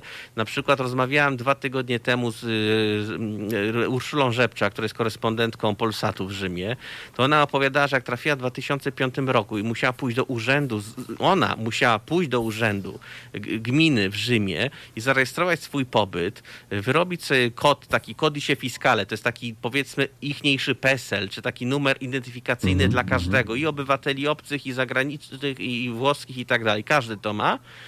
Każdy to jest zameldowany, taki dostaje już na całe życie. Ja też swój taki mam. I ona pamięta, że ogląda, będąc w tym w tym urzędzie, to sobie przypomniała czasy lat 80. w Polsce, że musiała wystać się w takiej kolejce i oczywiście jak i, i autentycznie to wyglądało jak w filmie 12, 12 prac Asterixa, że to naprawdę... tak, że nie... mają pójść do pokoju y, Dokładnie. 17 i zdobyć druk E340. I, tak? i naprawdę, kto, jeżeli Goscinny y, pisał, kiedy Goscinny pisał scenariusz do komiksu właśnie 12 prac Asterixa, ten wątek, no to na pewno musiał dostać parę sugestii od swojego kolegi Alberta Uderzo, który był pochodzenia włoskiego, z Trydentu co prawda, ale jednak Włochy, ja, y, czy Friuli, przepraszam, ale to prawie jak Trydent, więc oni na pewno tam musieli mieć tego rodzaju przygody związane z tym, no bo tak to faktycznie wygląda nawet i dzisiaj. Więc właśnie też chciałem z tego punktu widzenia z tobą porozmawiać, jakie były takie rzeczy, które ciebie najbardziej uderzyły, kiedy trafiłeś tam de facto, gdzie jesteś już od 8 lat.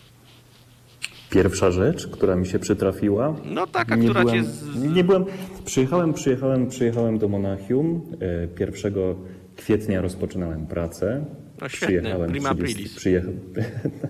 Akurat to był e, poniedziałek wielkanocny. Mhm. Przyjechałem do Monachium z Krakowa 31 marca e, i nazajutrz poszedłem do pracy. Pojechałem do pracy, przychodzę do recepcji. Dzień dobry, Nazywam się tak i tak. Chciałbym tutaj rozpocząć pracę. ale wie pan, y, dzisiaj jest święto. No tak, ale tutaj jakby, jakby charakter mojej pracy jest jakby zmianowy i też pracuję weekendy e, i w święta, więc uznałem, że no to jest, no, wypada, żeby się stawić pierwszego w pracy. No wie pan, no ja mogę zadzwonić do pana przełożonej, ale no niestety podejrzewam, że jej nie ma w pracy dzisiaj, ona nie pracuje. Ale wie pan co, ja odnotuję, że pan był, no niech pan, niech pan w takim razie cieszy się wolnością jeszcze dzisiaj. Mówię, fajnie. No ile to mogło trwać? 5-6 minut. Wychodzę z tego budynku, pusta ulica po dwóch stronach, Nikt nie parkował, bo przecież święta. Ja e, akurat miejsce pracy mam e, pod Monachium. Mhm. Zupełnie pusta ulica, naprawdę, krajobraz wymarły. E, ja patrzę, a ja za wycieraczką mam mandat. Ja mówię, co, co to w ogóle, od co kaman? Ja patrzę, a okazuje się, że mandat dostałem za to, że zaparkowałem auto w stronę przeciwną do ruchu jazdy. Czyli na prawym pasie zaparkowałem auto jakby tyłem do przodu. Jak mogliście? 15 euro.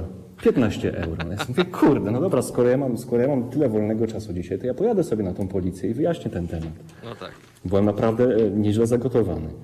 Pojechałem na tą policję, pan mnie przyjął, akurat nie miał dużego ruchu w interesie.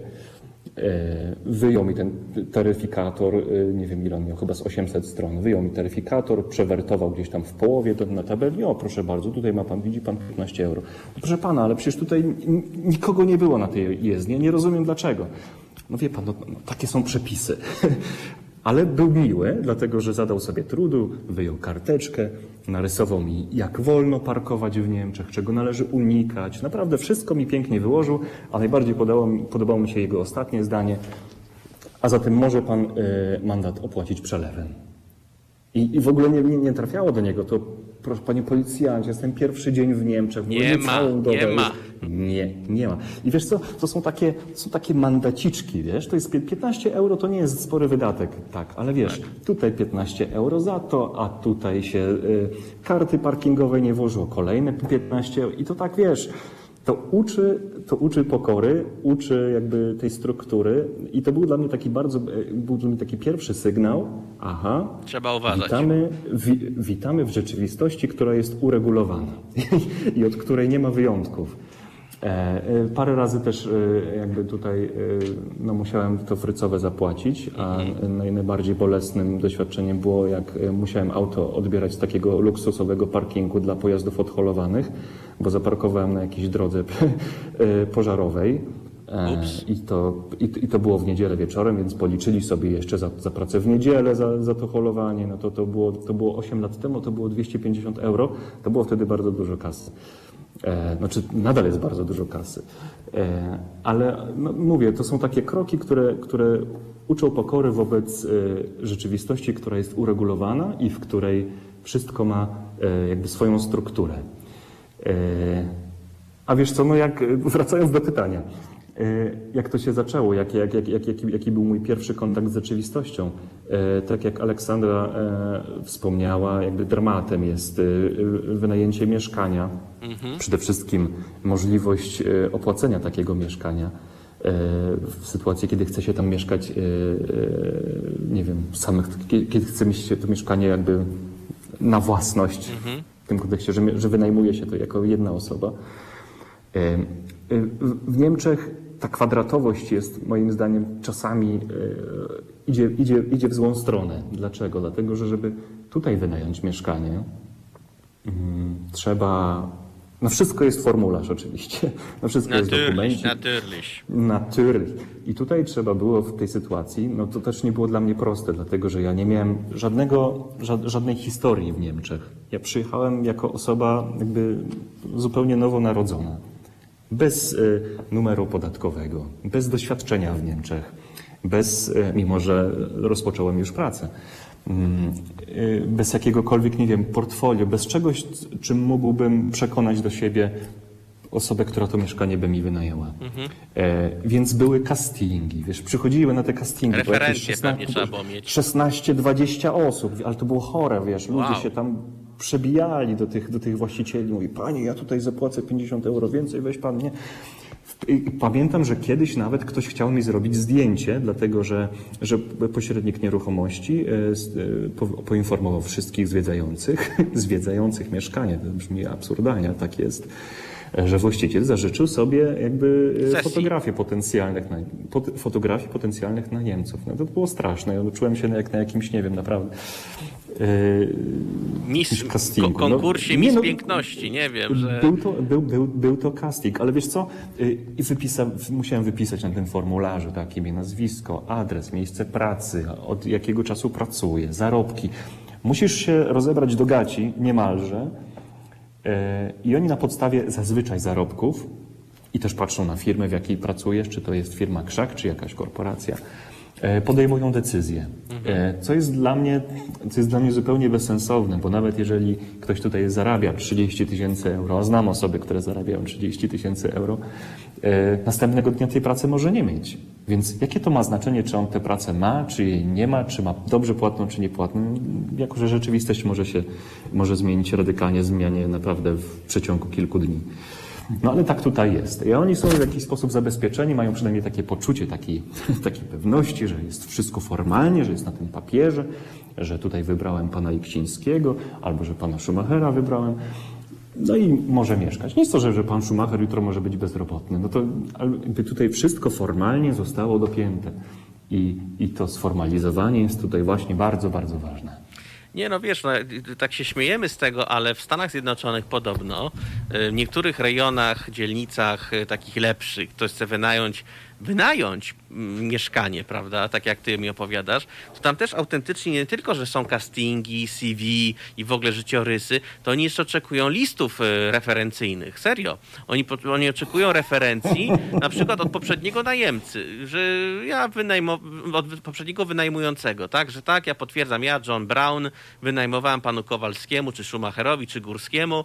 Tak, to jest bardzo rzetelny, nie zostaje po sobie bałaganu i autentycznie to, to nie są żarty haha hi, hi, tylko autentycznie oni tak chcą. A zabawny, teraz się uśmiejesz, ale mój znajomy z pracy opowiadał mi, bo ja tak, o tym opowiadałem kiedyś, o takich właśnie sytuacjach. On powiedział, słuchaj, to podobne rzeczy są też w Warszawie. A ja tak, jak to, gdzie? Jeżeli są na przykład y, wspólnoty mieszkalne, wspólnoty mieszkaniowe w określonych miejscach, punktach mapy Warszawy i tutaj mogę nawet powiedzieć, że to jest w okolicach ulicy Parkowej przy samych Łazienkach, to jak autentycznie, jeżeli ktoś chce wynająć mieszkanie komuś, to wspólnota oczekuje informacji, kto to jest i tak dalej i mogą też mieć tak zwane weto. Więc to, to, to, to też mnie w ogóle nie dziwi, no. to mnie nie dziwi, ale przy, wiesz dlaczego? Dlatego, że e, polskie, nie ma czegoś takiego jak polskie prawo wynajmu. Nie, że nie ma. Polskie, no, jakby e, wynajem jest pod, moim zdaniem ograniczony do, e, do, do, do, do reguł, nie wiem, prawa cywilnego. Tak mi się no wydaje, tak, przynajmniej tak, nie jestem tak, prawnikiem, Więc, więc sobie gdybam głośno. Natomiast w Niemczech istnieje coś takiego jak prawo najmu. Tutaj, jeżeli już ktoś tobie wynajmie mieszkanie, to jesteś chroniony jako najemca. Mhm. Nie jest łatwo cię z tego mieszkania wykurzyć. Chyba, że y, ktoś sprzedaje to mieszkanie, albo że ktoś z rodziny chce się wprowadzić. Ale to są chyba te dwa, dwa warunki, ale też są jakieś e, strasznie, straszne, jakby jest dużo jakby to ująć, jest jakby dużo rzeczy, które, te, które ten najemca musi zrobić, aby faktycznie cię z tego mieszkania jakby... Wyprowadzić. Wy, no, wyprowadzić, tak, nie wyprosić, wyprowadzić. Wyprowadzić. E, I tutaj, i tutaj e, ten, kto wynajmuje mieszkanie jest bardzo chroniony. Mhm. Nawet jeżeli musi zapłacić czynsz w wysokości, nie wiem, tysiąca euro, a nie ma pieniędzy i płaci 200, to jak sprawa idzie przed sąd i on faktycznie tej pracy nie ma, to zdarzały się takie przypadki, gdzie sąd uznał, proszę pana, no ale pan Iksiński wykazał dobrą wolę, no zapłacił ile mógł, nie może go pan z tego mieszkania wykurzyć. I wiesz, dlatego, dlatego myślę, yy, dlatego ci właściciele tych mieszkań są tak ostrożni w doborze, dlatego tak bardzo yy, selektywnie yy, podchodzą do, do, do, do osób, którym jak im się wydaje, będą mogli zaufać. Bo tutaj, bo tutaj jest prawo, które tych najemców bardzo chroni. Zresztą, co mi się w Niemczech podoba i dlaczego tutaj się dobrze czuję, e, to jest to, jak powiedziałem, że e, tutaj na wszystko gdzieś jest jakiś paragraf, gdzieś jest, wszystko jest uregulowane jakimś przepisem. Jeżeli nie bezpośrednio, to jakieś prawo nadrzędne e, to reguluje. I tutaj jest naprawdę bardzo ciężko zrobić coś, wbrew przepisom. Mhm. Dlatego, że nawet jeżeli się coś zrobi i się o tym nie wie, to potem się dowiaduje, że jednak przepis na to jest. I, i, I tak to wszystko wygląda. I moim zdaniem y, to jest fajne. Jak już wspomniałem, Niemcy są kwadratowe, Niemcy są uregulowane, są y, porządne. Mi ten porządek bardzo odpowiada. Ja się, ja się z tym y, porządkiem utożsamiam i, i jestem sam jego częścią i uważam, że to jest fajne fajna jest struktura. E, niestety ciężko jest e, jakby. Oczywiście, jeżeli, jeżeli ma się jakichś znajomych, którzy, którzy tam w, w zdrowych, w zdrowych e, ramach mogą pójść na rękę, tak? Zrobić coś z przymrużeniem oka, to to robią. Ostrożnie, ale robią. Mhm. Ale z grubsza wszystko naprawdę tutaj musi mieć swoje ręce i nogi. Nie no, to, to jest akurat, akurat bardzo fajne. Mogę ci powiedzieć, że jako osoba, która ma trochę tego Włocha w sobie po tylu latach mieszkania tam, to takie uporządkowane rozwiązania bardzo mi się podobają, ponieważ też pamiętam jakieś na imprezie takiej y, służbowej, powiedzmy, moja znajoma miała przyjemność rozmawiać z takim przedstawicielem tej firmy, Włochem, który jest pochodzenia sycylijskiego, ale od 30 prawie lat już mieszka we Frankfurcie. No i ona mi opowiada, że Włochy takie piękne, fantastyczne, tu, śmego, a ty tam w tym Frankfurcie jak się czujesz? A co mówi? No jest jak jest, ale to jest przynajmniej porządek, regulacja, wszystko jest w miarę w normie. Nie ma tak, że coś z dnia na dzień cię zaskoczy. A Włochy to potrafią niejednokrotnie obudzić człowieka rano i czymś ciekawym zaskoczyć. A powiedz mi... Ale y, gdzie Włochy? Przecież, przecież w Polsce jest takie piękne słowo załatwić. Bardzo A... mi brakuje tego słowa czasami tutaj. Znaczy, wiesz co, powiem ci tak, wszystko z przymrużeniem oka da się załatwić, ale czasami, gdy się tego za dużo ogląda na prawo i na lewo i się widzi pewne rzeczy na własne oczy, to jednak, gdy jest y, papierek na to, to jednak człowiek się czuje spokojniej, że nie obudzi się w nowej się. rzeczywistości. Ale fakt faktem, że czasami ta nasza krew y, polska nam sugeruje, żeby właśnie coś załatwić, coś przymrużyć oko, coś wykombinować, My, jak nie my, to kto? E, dobrze. Z moim gościem w tym momencie jest Maciej Schumacher, który opowiada o swoich o, przygodach w Niemczech, jak to wygląda na tej migracji za Odrą. E, w tym momencie zapraszam Państwa na krótką przerwę muzyczną i zaraz wrócimy do naszej rozmowy.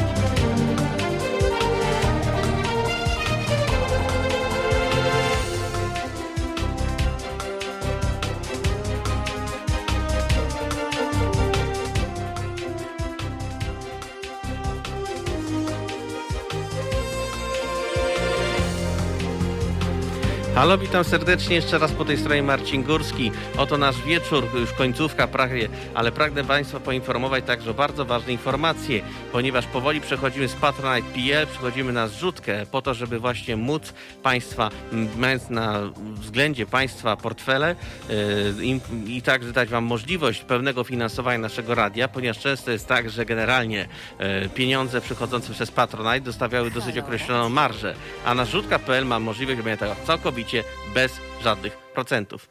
A teraz jednocześnie też pragnę pana, Państwa poinformować także o naszym ciągu dalszej naszej akcji, e, naszej akcji związanej z informacją o polskim kościele, ile kosztuje nas polski kościół. Teraz samochód jeszcze dzisiaj jest w Rzeszowie, a dalej rusza w dalszym kierunku, czyli jedzie na przykład do Krakowa, do Wadowic, e, gdzie będzie do 13 grudnia, potem do Katowic, następnie jest przerwa noworoczna. Samochód następnie ruszy w kierunku Częstochowy i będzie po prostu tam się na pewno działo, a następne kierunki to Kielce i Radom. I a propos zrzutki, o której mówiłem wam przed chwilą, to także na zrzutce jest też e, miejsce, gdzie można dorzucić się, jeżeli państwo są ciągle zainteresowani wspieraniem tej idei, to na zrzutka.pl łamane kampania można dorzucić się właśnie do dalszego prowadzenia e, tej całej operacji, całej tej akcji, ile kosztuje nas Kościół. Gorąco i mocno państwa zachęcam. A moim yy, i Państwa też gościem, przede wszystkim Państwa, jest Maciej Schumacher, który kontaktuje się z nami prosto z Bawarii i opowiada nam o swoich jakby yy, przeżyciach związanych z życiem na emigracji, no bo Maciek yy, wcześniej mówił nam, że mieszkał na Wielkiej Brytanii, przeniósł się potem do Bawarii, już to było 8 lat temu. Stanęliśmy na etapie, gdzie rozmawialiśmy o tak zwanych różnych zabawnych sytuacjach związanych z wynajmem lokalu, co może być czasami zabawne, albo trudne, albo przerażające. E, powiedz mi, witam, e, witam cię z, po, po, z powrotem po przerwie, Maćku. Halo, halo. Witaj Marcinie, witam Państwa. Witam. E, takie mam pytanie, bo są takie, wiesz, ja lubię na przykład w trakcie tych spotkań wieczornych w niedzielę przełamywać pewne mity, prawda? No bo są często takie mity, jak, jak się mówi o tych na przykład o dziewczynach, które y, wyszła za Niemca albo za Francuza, za Włocha i siedziały jej zazdrosne koleżanki, nie wiem, na przykład na Saskiej Kępie w Warszawie i komentowały. No wyjechała, wyszła za Włocha, siedzi w tym Neapolu albo nie wiem, wyszła za Niemca, mieszka teraz w Berlinie. I naprawdę nie, nie, było żadnego absolutnie dla nich znaczenia, co ten Włoch Francuz robił, w jakich warunkach żyli. Wyjechali, to jest sukces, prawda? Na szczęście my mamy już takie czasy, że ten wyjazd nie jest już takim powiedzmy jednoznacznym sukcesem, bo może coraz więcej ludzi podróżuje, mamy internety, mamy trochę inną sytuację i do ludzi dociera, że jednak to życie tam nie jest usłane różami i ma swoje określone no jakby nie patrzeć, yy, przeszkody, które trzeba pokonać, aby w miarę ta migracja się uda, prawda? Y, jakby odpowiedziałeś sobie sam na to pytanie, y, używając określenia mit. To jest zdecydowanie, y, to jest zdecydowanie mit, który, który jakby wielokrotnie się tutaj przejawia. Przejawia dokładnie. To nie jest tak, że sobie można wyjechać. Oczywiście można, można być kamikadze i można jakby zaryzykować i zagrać w bank i, i, i może się udać. Zazwyczaj się nie udaje. A można mieć, tak jak już powiedziałem, plan i mieć to przynajmniej troszeczkę przygotowane. E, jakby tutaj w moim przypadku to przygotowanie wiązało się też z, z, z przygotowaniem finansowym. Oczywiście przyjechałem tutaj do pracy, więc e, jakby celem również był, e, był, był, był zarobek, jakby polepszenie mojej, mojej sytuacji materialnej, ale aby właśnie bardzo uwielbiam, uwielbiam to strasznie nie lubię tutaj, e, strasznie nie lubię tutaj tego ale, bo tu się w Niemczech bardzo dużo tego słowa używa, że coś można, ale. W każdym razie musiałem mieć jakieś e, zaplecze finansowe, zanim w ogóle e, rozpocząłem pierwszy dzień tutaj w pracy. Musiałem e, mieć no, dobre kilka tysięcy euro, żeby wynająć mieszkanie, wyobraź sobie, bo tutaj trzeba wpłacić trzymiesięczną kaucję, trzeba zapłacić na bieżący czynsz i trzeba jeszcze również przez ten miesiąc e, jakby wyżyć, czyli jest to inwestycja, którą no, no, no, trzeba poczynić, jeżeli, jeżeli jakby wiąże się jakąś e, dłuższą przyszłość. Inaczej moim zdaniem nie ma co ryzykować, ale tak jest w Niemczech. Oczywiście można się gdzieś tam e, zadokować u, zadokować u Kazika, tak? bo ten, nie wiem, przywiozę mu twaróg i kiełbasę albo, nie wiem, dam mu, dam mu stówę, i gdzieś mi na tej podłodze tam przekima przez miesiąc, przez dwa. Niektórzy kimają tak dłużej. E, no ale tutaj nie o to chodzi, nie, nie to było moim celem. Oczywiście e, to jest mit, dlatego że przyjeżdżając do Niemiec musiałem jakby pociągnąć e, wiele sznurków naraz. Musiałem pójść do urzędu finansowego, wypełnić formularzyk, żeby mi przydzielili mój numer podatkowy. Musiałem e, wysłać do jakiegoś e, e, komitetu radiofonii i telewizji swoje dane, żeby mogli mi licencję dać. Ściąga, ściągać abonament. Musiałem przede wszystkim się zameldować, tak? To no. jest obowiązek meldukowy. A nie, przepraszam, nie trzeba było do RTV wysyłać, dlatego że, że gmina automatycznie wysyła. Ach, co? Tak, tak. Musiałem, y, nie wiem, złożyć wniosek o jakby tutejsze 500 plus, tak, o Kindergeld. Trzeba było wszystko wypełnić, wszystkie formularze, załączniki. Nie tylko my Musiałem, mamy, y, a widzicie, a jednak. Nie, nie, nie, nie, nie. Musiałem, y, co jeszcze zrobić? jakby ubezpieczyć się, dlatego że przez przypadek, przez przypadek dowiedziałem się, że warto tutaj mieć ubezpieczenie odpowiedzialności cywilnej, bo jak syn strąci jakieś najdroższe wino w, nie wiem, w supermarkecie, to to ubezpieczenie mi to pokryje. Inaczej, inaczej, e, inaczej może być to droga zabawa. Zresztą e, mówi się o, o Polaku mądrym po szkodzie. E, jeżeli przyrównać to do Niemców, to Niemcy, którzy, którzy nie zabezpieczają się w ten sposób, też są mądrzy po szkodzie. Niestety są również bardzo, bardzo biedni, dlatego że tutaj e, pomyłki e, wynikające z czystej niewiedzy bardzo słono mogą kosztować. Dlatego potem gdzieś dowiedziałem się, że warto mieć ubezpieczenie od ochrony prawnej. Tak? Jeżeli ktoś, nie wiem, pozwie mnie do sądu niesłusznie, to, to, to, to sądy tutaj też są bardzo drodzy, drogie, prawnicy są bardzo drodzy. E, ubezpieczenie od, e, od zębów. Ostatnio przyszedł mi e, rachunek za dwa leczenia kanałowe na 3,5 tysiąca euro. Dzięki temu, że miałem ubezpieczenie, no, nie musiałem pokrywać całej kwoty, tylko 10%. To takie rzeczy, które, które jakby nabywa się wraz, e, wraz jakby tutaj z, e, z doświadczeniem i, i, i z czasem. One, one, one wychodzą w jakiś sposób naturalny. No i są jakby tutaj lokalsi, z którymi e, jakby częściej utrzymuję kontakt oczywiście niż z Polakami, e, na które, na, którzy zwracają mi uwagę na wiele, wiele bardzo istotnych rzeczy, o których w ogóle nie miałem bladego pojęcia, bądź nie przypuszczałem, że są tak istotne. No ale mówię, już po ośmiu latach mogę powiedzieć, że jakby ogarnąłem tutaj ten system, y, wiem jak się w nim poruszać, y, wiem jakie niespodzianki mogą mnie czekać, chociaż oczywiście e, też co jakiś czas jestem, e, jestem zaskakiwany. Ale, ale nie są to takie rzeczy, Ta zapobiegliwość, których, nie wiem. Wybacz mi tak wchodzę słowa, ale ta zapobiegliwość, o której mówisz, o tych różnych możliwych przewidywaniach, zabezpieczeniach, nawet przed rzeczami, o których nie masz pojęcia, E, przypomina mi bardzo anegdotę, kiedy taki mm, kiedyś minister kultury był, nazywał się Tadeusz Dąbrowski, to był chyba za czasach e, albo AWS-UW chyba, z tego co mi się wydaje, albo wcześniejszej ekipy, nieważne. E, opowiadał taką anegdotę, że był kiedyś w Stuttgarcie, bo odbierał samochód e, fabryki Mercedesa, bo tam jest fabryka Mercedesa w Stuttgarcie jego, jakoś tak wyszło, że on przyleciał czy przyjechał i ten samochód jeszcze nie był gotowy, dopiero dzień później miał być czy coś takiego, więc on po prostu tam przenocował i dzień później czekał tam, nie wiem, godzinę, aż mu to przygotują i siedział w kawiarni, tak? I to była kawiarnia oczywiście w fabryce tam Mercedesa i on przez okno w tej kawiarni widział, jak jakaś kobieta czyści i to tak solidnie szoruje czysty de facto mur. I kiedyś nie, i nie wytrzymał. I w końcu się zapytał Kelner, zapytał się tam kogoś, ale po co na to robi? Przecież ten mur jest faktycznie czysty. Właśnie ona po to go czyściła, żeby się nie ubrudził w przyszłości. Więc chyba coś w tym jest faktycznie, że zapobiegliwość na maksa po prostu. Ale powiedz mi, tak z tych takich e, rzeczy ciekawostek, bo faktycznie to, to, to co, czym mówisz, to jest bardzo ciekawe, że właśnie są te różnego rodzaju formy Dlatego wracając do Twojego pytania, jeżeli mogę wejść Ci w Jasne, słowo, jasne. Jest, to, jest, jest to mit, dlatego że naprawdę, y, jeżeli chce się tutaj żyć, jeżeli chce się, y, chce się tutaj mieszkać i, i, i uniknąć takich niespodzianek, trzeba być na wiele rzeczy przygotowanych. Więc Mhm. to nie jest tak. Być, być może ta, ta, ta pani, która ma męża Niemca i, i nie wiem, i piłuje sobie paznokcie, mówię, mówię w takim bardzo dużym wyolbrzymieniu y, przez y, dzień i noc. y, Oczywiście może, może się tak zdarzyć, ale, ale nawet dla takich osób jest to naprawdę ogromne wyzwanie. Każdy, każdy, każdy wyjazd to jest moim zdaniem duże wyzwanie i dość istotna zmiana w życiu.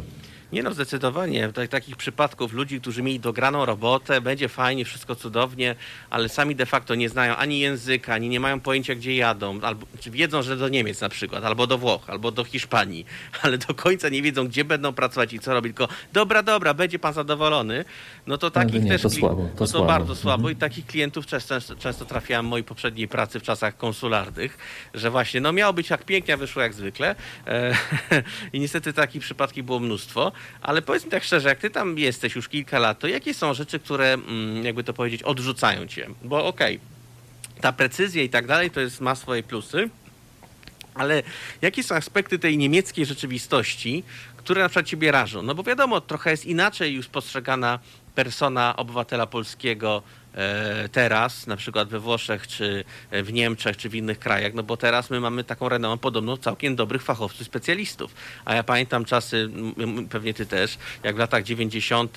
i 80. y, za granicą były tak zwane Polish jokes, o właśnie o, o zabawnych emigrantach z Polski.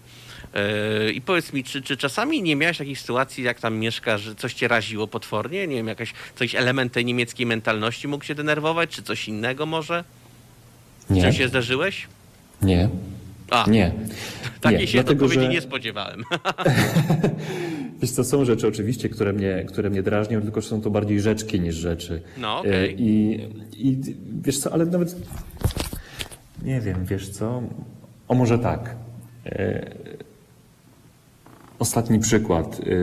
E, Są ludzie, którzy, e, którzy też nie trzymają się jakby tego, tego dystansu w supermarkecie. Przy czym tutaj nie jest tak, że, że zostanie się, nie wiem, e, obficie opluty, tak jak kiedyś to było w Polsce, bądź w naj, najlepszym przypadku, najbardziej lajtowym, tak wiesz, soczyście obsobaczony. Natomiast tutaj, nie wiem, czuję jakiś oddech jakiegoś gościa y, w supermarkecie za sobą i mówię, panie, może by pan tak, nie wiem, ja mówię zawsze tak, Niemcy właśnie formułują, y, jeszcze nie jestem, jeszcze nie mam obywatelstwa, mówię, że Niemcy formułują to wszystko tak y, w miarę, w miarę dyplomatycznie, ja mówię, byłbym wdzięczny, gdyby jednak pan zachował ten odstęp, tak, żeby nie bezpośrednio atakować, w sensie weź, że się pan odsuń. E, oni się tak, te, pierwsza reakcja to jest taka, że ale, ale o co kaman, ale, ale faktycznie się odsuwają, potem coś tam jeszcze burczą pod nosem i to burczenie mnie doprowadza do szału. I mówię, jeżeli ma pan jeszcze coś do powiedzenia, to możemy sobie to uzgodnić, tak? Nie, nie, nie, dobra, dobra. Y, y, Czyli albo, taka jest nie wiem, fasadowość, taka, że niby tak, w porządku, ale coś tam pod nosem, po sobie, pod, hmm, hmm. Tak, oni tutaj są korekt, ale potem zam, zamykają się drzwi, no i potem wiesz. Ale no ja tego nie słyszę, więc mam to. W, Nosie. mam to. E, Oczywiście ja też tak mam, tak? Jeżeli są osoby, które mnie denerwują, to, to oczywiście nie, nie tutaj ta, jakby to powiedzieć, to taka e, może nie dyplomacja, bo z dyplomacją chyba to nie ma wiele To wspólnego. bardziej taka fasadowość jest moim zdaniem, taka E, fasadowa taka poprawność. poprawność. To mnie troszeczkę jako, jak, jako e, Polaka troszeczkę irytuje, dlatego że ja jakby czuję to, te drugie dno, czuję, że za tą warstwą jest jakby jakiś syf, tak? Mhm. Który, który się tam już prawie na mnie wylewa, ale coś tam nie pozwala im, żeby się to wylało. E, I, i, i- to mnie troszeczkę tej takiej e, hipokryzji, ale w Polsce nie ma hipokrytów. Nie, skąd, absolutnie, nie, skąd, że znowu, przecież, gdzie? Dlate, dlatego Widzieliście mówię, jakichś hipokrytów tutaj?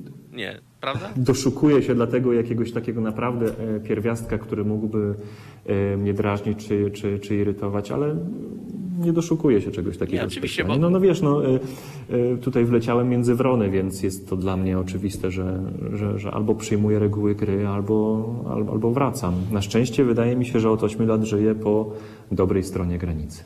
Nie, no powiem Ci szczerze tak, że to wiadomo, że każda przygoda związana z wyjazdem, z zmianą otoczenia, z rzeczywistością, to jest naprawdę osobny temat i osobny rozdział, prawda? Dlatego ja właśnie zapraszam różne osoby z różnych krajów, z różnymi przygodami, bo naprawdę y, jak jednemu na, na 10 tak zwanych American Dreamów, czy tam udanych y, migracji, masz kolejne kilkadziesiąt, które się nie udały, ale to z różnych powodów. Raz było, że ktoś kogoś oszukał, raz było, że ktoś po prostu źle się zachował, albo po prostu nie przewidział tego wyjazdu, albo po prostu nie przemyślał tematu najzwyczajniej na świecie. Czasami tak jest, że właśnie gdzieś trafiamy i jest tak, jak właśnie tego byśmy sobie życzyli, prawda? I to też jest bardzo fajne. Zaznaczmy, zaznaczmy, że w Niemczech nie potykam się co chwilę o jakieś pieniądze na, na, na, na ulicy, tak, że nie wszystko kapie, że wszystko, nie wszystko jest tutaj idealnie, No, tak jak się mogło wydawać. Oczywiście, że to nie jest kraina mlekiem i miodem, Mhm. e, jednak uważam, że e, jestem tutaj szczęśliwy. Dlaczego? Dlatego, że sam sobie potrafiłem Na to e, zapracować. Jakby na to zapracować i to moje życie tak zorganizować, że się w nim bardzo, bardzo dobrze czuję. Mam, e, mam syna, mam kochaną żonę, mam pracę, jestem zdrowy. Naprawdę, jeżeli ludzie się pytają, jak ci się żyje, no to ja odpowiadam, słuchaj, no dobrze, dobrze. I, i, I to nie jest takie dobrze, że wow, że po prostu opływam tutaj w luksusy czy ten. Naprawdę czuję się tutaj komfortowo. Przychodzę do domu, tak, pracuję 8 godzin, nikt mi nie patrzy na tam e, e, wzroku po, suficie, Właśnie nie zawiesza, ci że, teraz że, że kończę o- wcześniej. O to cię chciałem zaraz A ja zapytać. e, wkładam beret i wracam do domu i mam swoje życie. Mhm. Słucham. Właśnie chciałem się to spytać, bo y, nie zdążyłem się spytać mojej poprzedniej rozmówczyni, chociaż y, Aleksandra jest bardziej na self, y, na samozatrudnieniu, więc ona ma indywidualne projekty, jakby nie patrzeć, ale ty pracujesz w miejscu, w prywatnym sektorze, gdzie są też inni współpracownicy. Powiedz mi, jakie są te relacje y, na przykład w Niemczech między współpracownikami? Bo na przykład jedna moja znajoma, która mieszka w Irlandii, opowiadała, że na przykład jak przyjechała z Polski do Irlandii, to był dla niej taki bardzo pozytywny, szokujące, y, bardzo pozytywny w sensie tego słowa znaczeniu, bardzo duży szok, że właśnie na przykład u nich jest w Irlandii w tym przypadku bardzo ludzko, spokojnie, nie ma takiej presji, nacisku, że tu ciśnij, tu zaraz, zero takiego ludzkiego pod, pod, podejścia, jak to czasami w Polsce w tych korporacjach potrafi wyglądać. A jak to wyglądało z twojego punktu widzenia, jak ty przyjechałeś do, do Bawarii? Ja pracuję jakby w branży, y, w branży medialnej, gdzie, gdzie faktycznie tempo jest duże, gdzie czasami y, trzeba reagować bardzo szybko, gdzie, y, gdzie, gdzie tempo czasami jest podkręcone, ale są takie momenty jak teraz, teraz jestem w pracy do do dwunastej, gdzie, gdzie nic się nie dzieje. Y, Więc jestem y, jakby tutaj na, na, na przerwie obiadowej i, i, i, i, mam tutaj przyjemność rozmawiania z Tobą i, i, miło spędzać sobie tutaj, z- miłego spędzania z Tobą czasu. W każdym razie e, są też takie momenty, w których jest ciśnienie i trzeba jakby mieć głowę na 360. Natomiast wybija 16.30 lub 23.30 w moim przypadku, bo pracuję na zmiany. Odbijam kartę, mówię grzecznie do widzenia i wychodzę. I, nikt tam nie kręci głową, ojejku, dlaczego, a dlaczego nie zostałeś, bo coś, nie? Tutaj się trzeba jakby, przynajmniej, przynajmniej mojej firmie, tak? Ja nie wiem, jak jest w innych. Podejrzewam, że, że, że, że, że, w innych jakby firmach nie, nie jest aż tak e, jakby korekt, nie jest tak różowo, bo znam jakby przypadki, gdzie, gdzie są też ludzie e, wykorzystywani i też jest e, jakby to wszystko naginane bardzo, bardzo tak już krytycznie. Ale ja tutaj mam naprawdę bardzo fajny kontakt z ludźmi. Są to jakby ludzie jakby z tej samej branży, więc, więc dogadujemy się dobrze. E, Ale też niejednokrotnie wracam do domu i ja mówię, no nie mogę z tymi debilami wytrzymać. No są, jak, są osoby, z którymi na przykład źle mi się pracuje, ale tak jest w każdej pracy, w każdym oczywiście, kraju, tak. w każdym mieście. No. E, Jednak e, jakby nadrzędną wartością pracownika jest jego prawo do życia również prywatnego. I on kończy pracę, zdaje raport i cieszy się wolnością. Nie, no tak, no to, to jest fajne właśnie, te relacje są bardzo ważne w pracy moim zdaniem. To przecież jakby nie patrzeć 8 godzin teoretycznie według prawa pracy w Polsce i w wielu innych państwach te 8 godzin na dobę spędza w miejscu pracy i teoretycznie to jak je spędzisz to jest też wszystko zależy od ciebie, prawda, jak to odczuwasz. Dobrze, na sam koniec takie jeszcze jedno pytanie i, i, i, i właśnie bym tak, takie pytanie dał na sam koniec. Um, jakby ktoś na przykład y, się do ciebie odezwał, tak? Słuchaj Maciej, słyszałem, że mieszkasz w Bawarii, w Monachium, pod Monachium. E, ja też chciałbym tam przyjechać do pracy, tam na chwilę jakby zmienić to otoczenie. Chciałbym właśnie też e, wyjechać za granicę. I myślałem o Niemczech. To jaki byś był, jakieś, jakieś podstawowe sugestie, jakby, jakbyś chciał tej osobie przekazać? Jakieś rady złote w tym przypadku? Pierwsza rzecz, jaką powinien zwrócić uwagę przed wyjazdem albo... Pierwsze pytanie, jakie bym mu zadał, to czy znalazł pracę w Niemczech? Aha, okej. Okay. Czy, czy, ma, czy ma pracę? Mhm. Bo szukanie tutaj pracy na miejscu jakby e, niewiele różni się od szukania pracy z Polski. Znaczy ja mhm. szukałem akurat pracy z Polski mhm. e, i zostałem zaproszony na rozmowę i jakby kontrakt został mi przysłany jeszcze na adres Polski. E, zapytałbym się, czy, czy, czy ma pracę, dlatego że szczególnie w takiej sytuacji, jakiej teraz jesteśmy wszyscy, mhm. gdzie o tą pracę jest nieco trudniej niż, niż zazwyczaj, byłoby to dość ryzykowne. A po drugie zaprosiłbym go, jak jeżeli już powiedziałby, że okej, okay, że jest sprawa dograna, zaprosiłbym go na tydzień do siebie, jeżeli byłby to dobry znajomy i wyjaśniłbym mu, jak się szuka tutaj mieszkania, jakie są triki w poszukiwaniu mieszkania. Na co trzeba zwracać e, uwagę. Na co, należy, na co należy zwracać uwagę, czego należy unikać, e, ale mówię, przy, nie wiem, w przypadku Niemczech przynajmniej, nie wiem jak jest w przypadku innych krajów, miej chłopie plan. Mhm. Przynajmniej minimalny, zabezpieczenie jakieś finansowe na start, ale e, nigdy nie jedź na e, jakby tutaj. Tak zwane hurra. Na, na, nie, to nie ma sensu. To jakby owocuje bardzo, bardzo rzadko. No tak, no rzeczywiście, to, to zawsze, jak przy każdym, w przypadku każdej migracji, każdy musi mieć jakby plan, który ma zdecydowanie ręce i nogi i to nie tylko w Niemczech, ale generalnie tak na, na przyszłość. Pamiętam, że często się zdarzało, że ludzie trafiali do zagranicy z różnych powodów, no bo nie wiem, bo przyjechali na dłużej stwierdzili, że nie wiem, zakochali się, zostają, coś tam i nieraz się mnie pytali, Marcin, jak tu wygląda kwestia znalezienia pracy czy czegokolwiek innego. I ja też ręce rozkładałem, no bo co ja mogę im powiedzieć, no człowieku, no szukaj, nie wiem, no, pracuj, pracuj.pl, czy jakieś takie włoskie wydanie takich portali właśnie pomagających w znalezieniu pracy, bo to nie jest takie hop siup. Zresztą mm, dajcie, skarżcie mi jednego pracodawcę, który w ogłoszeniu we Włoszech na przykład, czy w innych krajach mówi jedno, a potem się okazuje drugie. No to, to, to, to takich przypadków było mnóstwo. No ale tak, najważniejsze jest, a tak, jeszcze jedno pytanie na sam koniec, zapomniałem zapytać się, a za czym, za czym tęsknisz, jak jesteś tam na miejscu? Czy są jakieś rzeczy z Polski, którymi tęsknisz, związane, nie wiem, z naszą kulturą, kuchnią, czy coś takiego jest? Nie. A, kolejny raz nie spodziewałem się takiej odpowiedzi. nie, nie ma. Nie ma czegoś takiego. Ja mam tutaj swój dom. E, e, jak już powiedziałem, żyję po dobrej stronie granicy, moim zdaniem. Mam tu swoją najbliższą e, rodzinę, mam żonę, mam dziecko. Oczywiście mam rodzinę w Polsce, ale ja ich odwiedzam. Ja nie wracam do Polski, ja przyjeżdżam do Polski w odwiedziny. W sumie... I z tej Polski wracam do domu, Rozumiem. bo to jest teraz mój dom.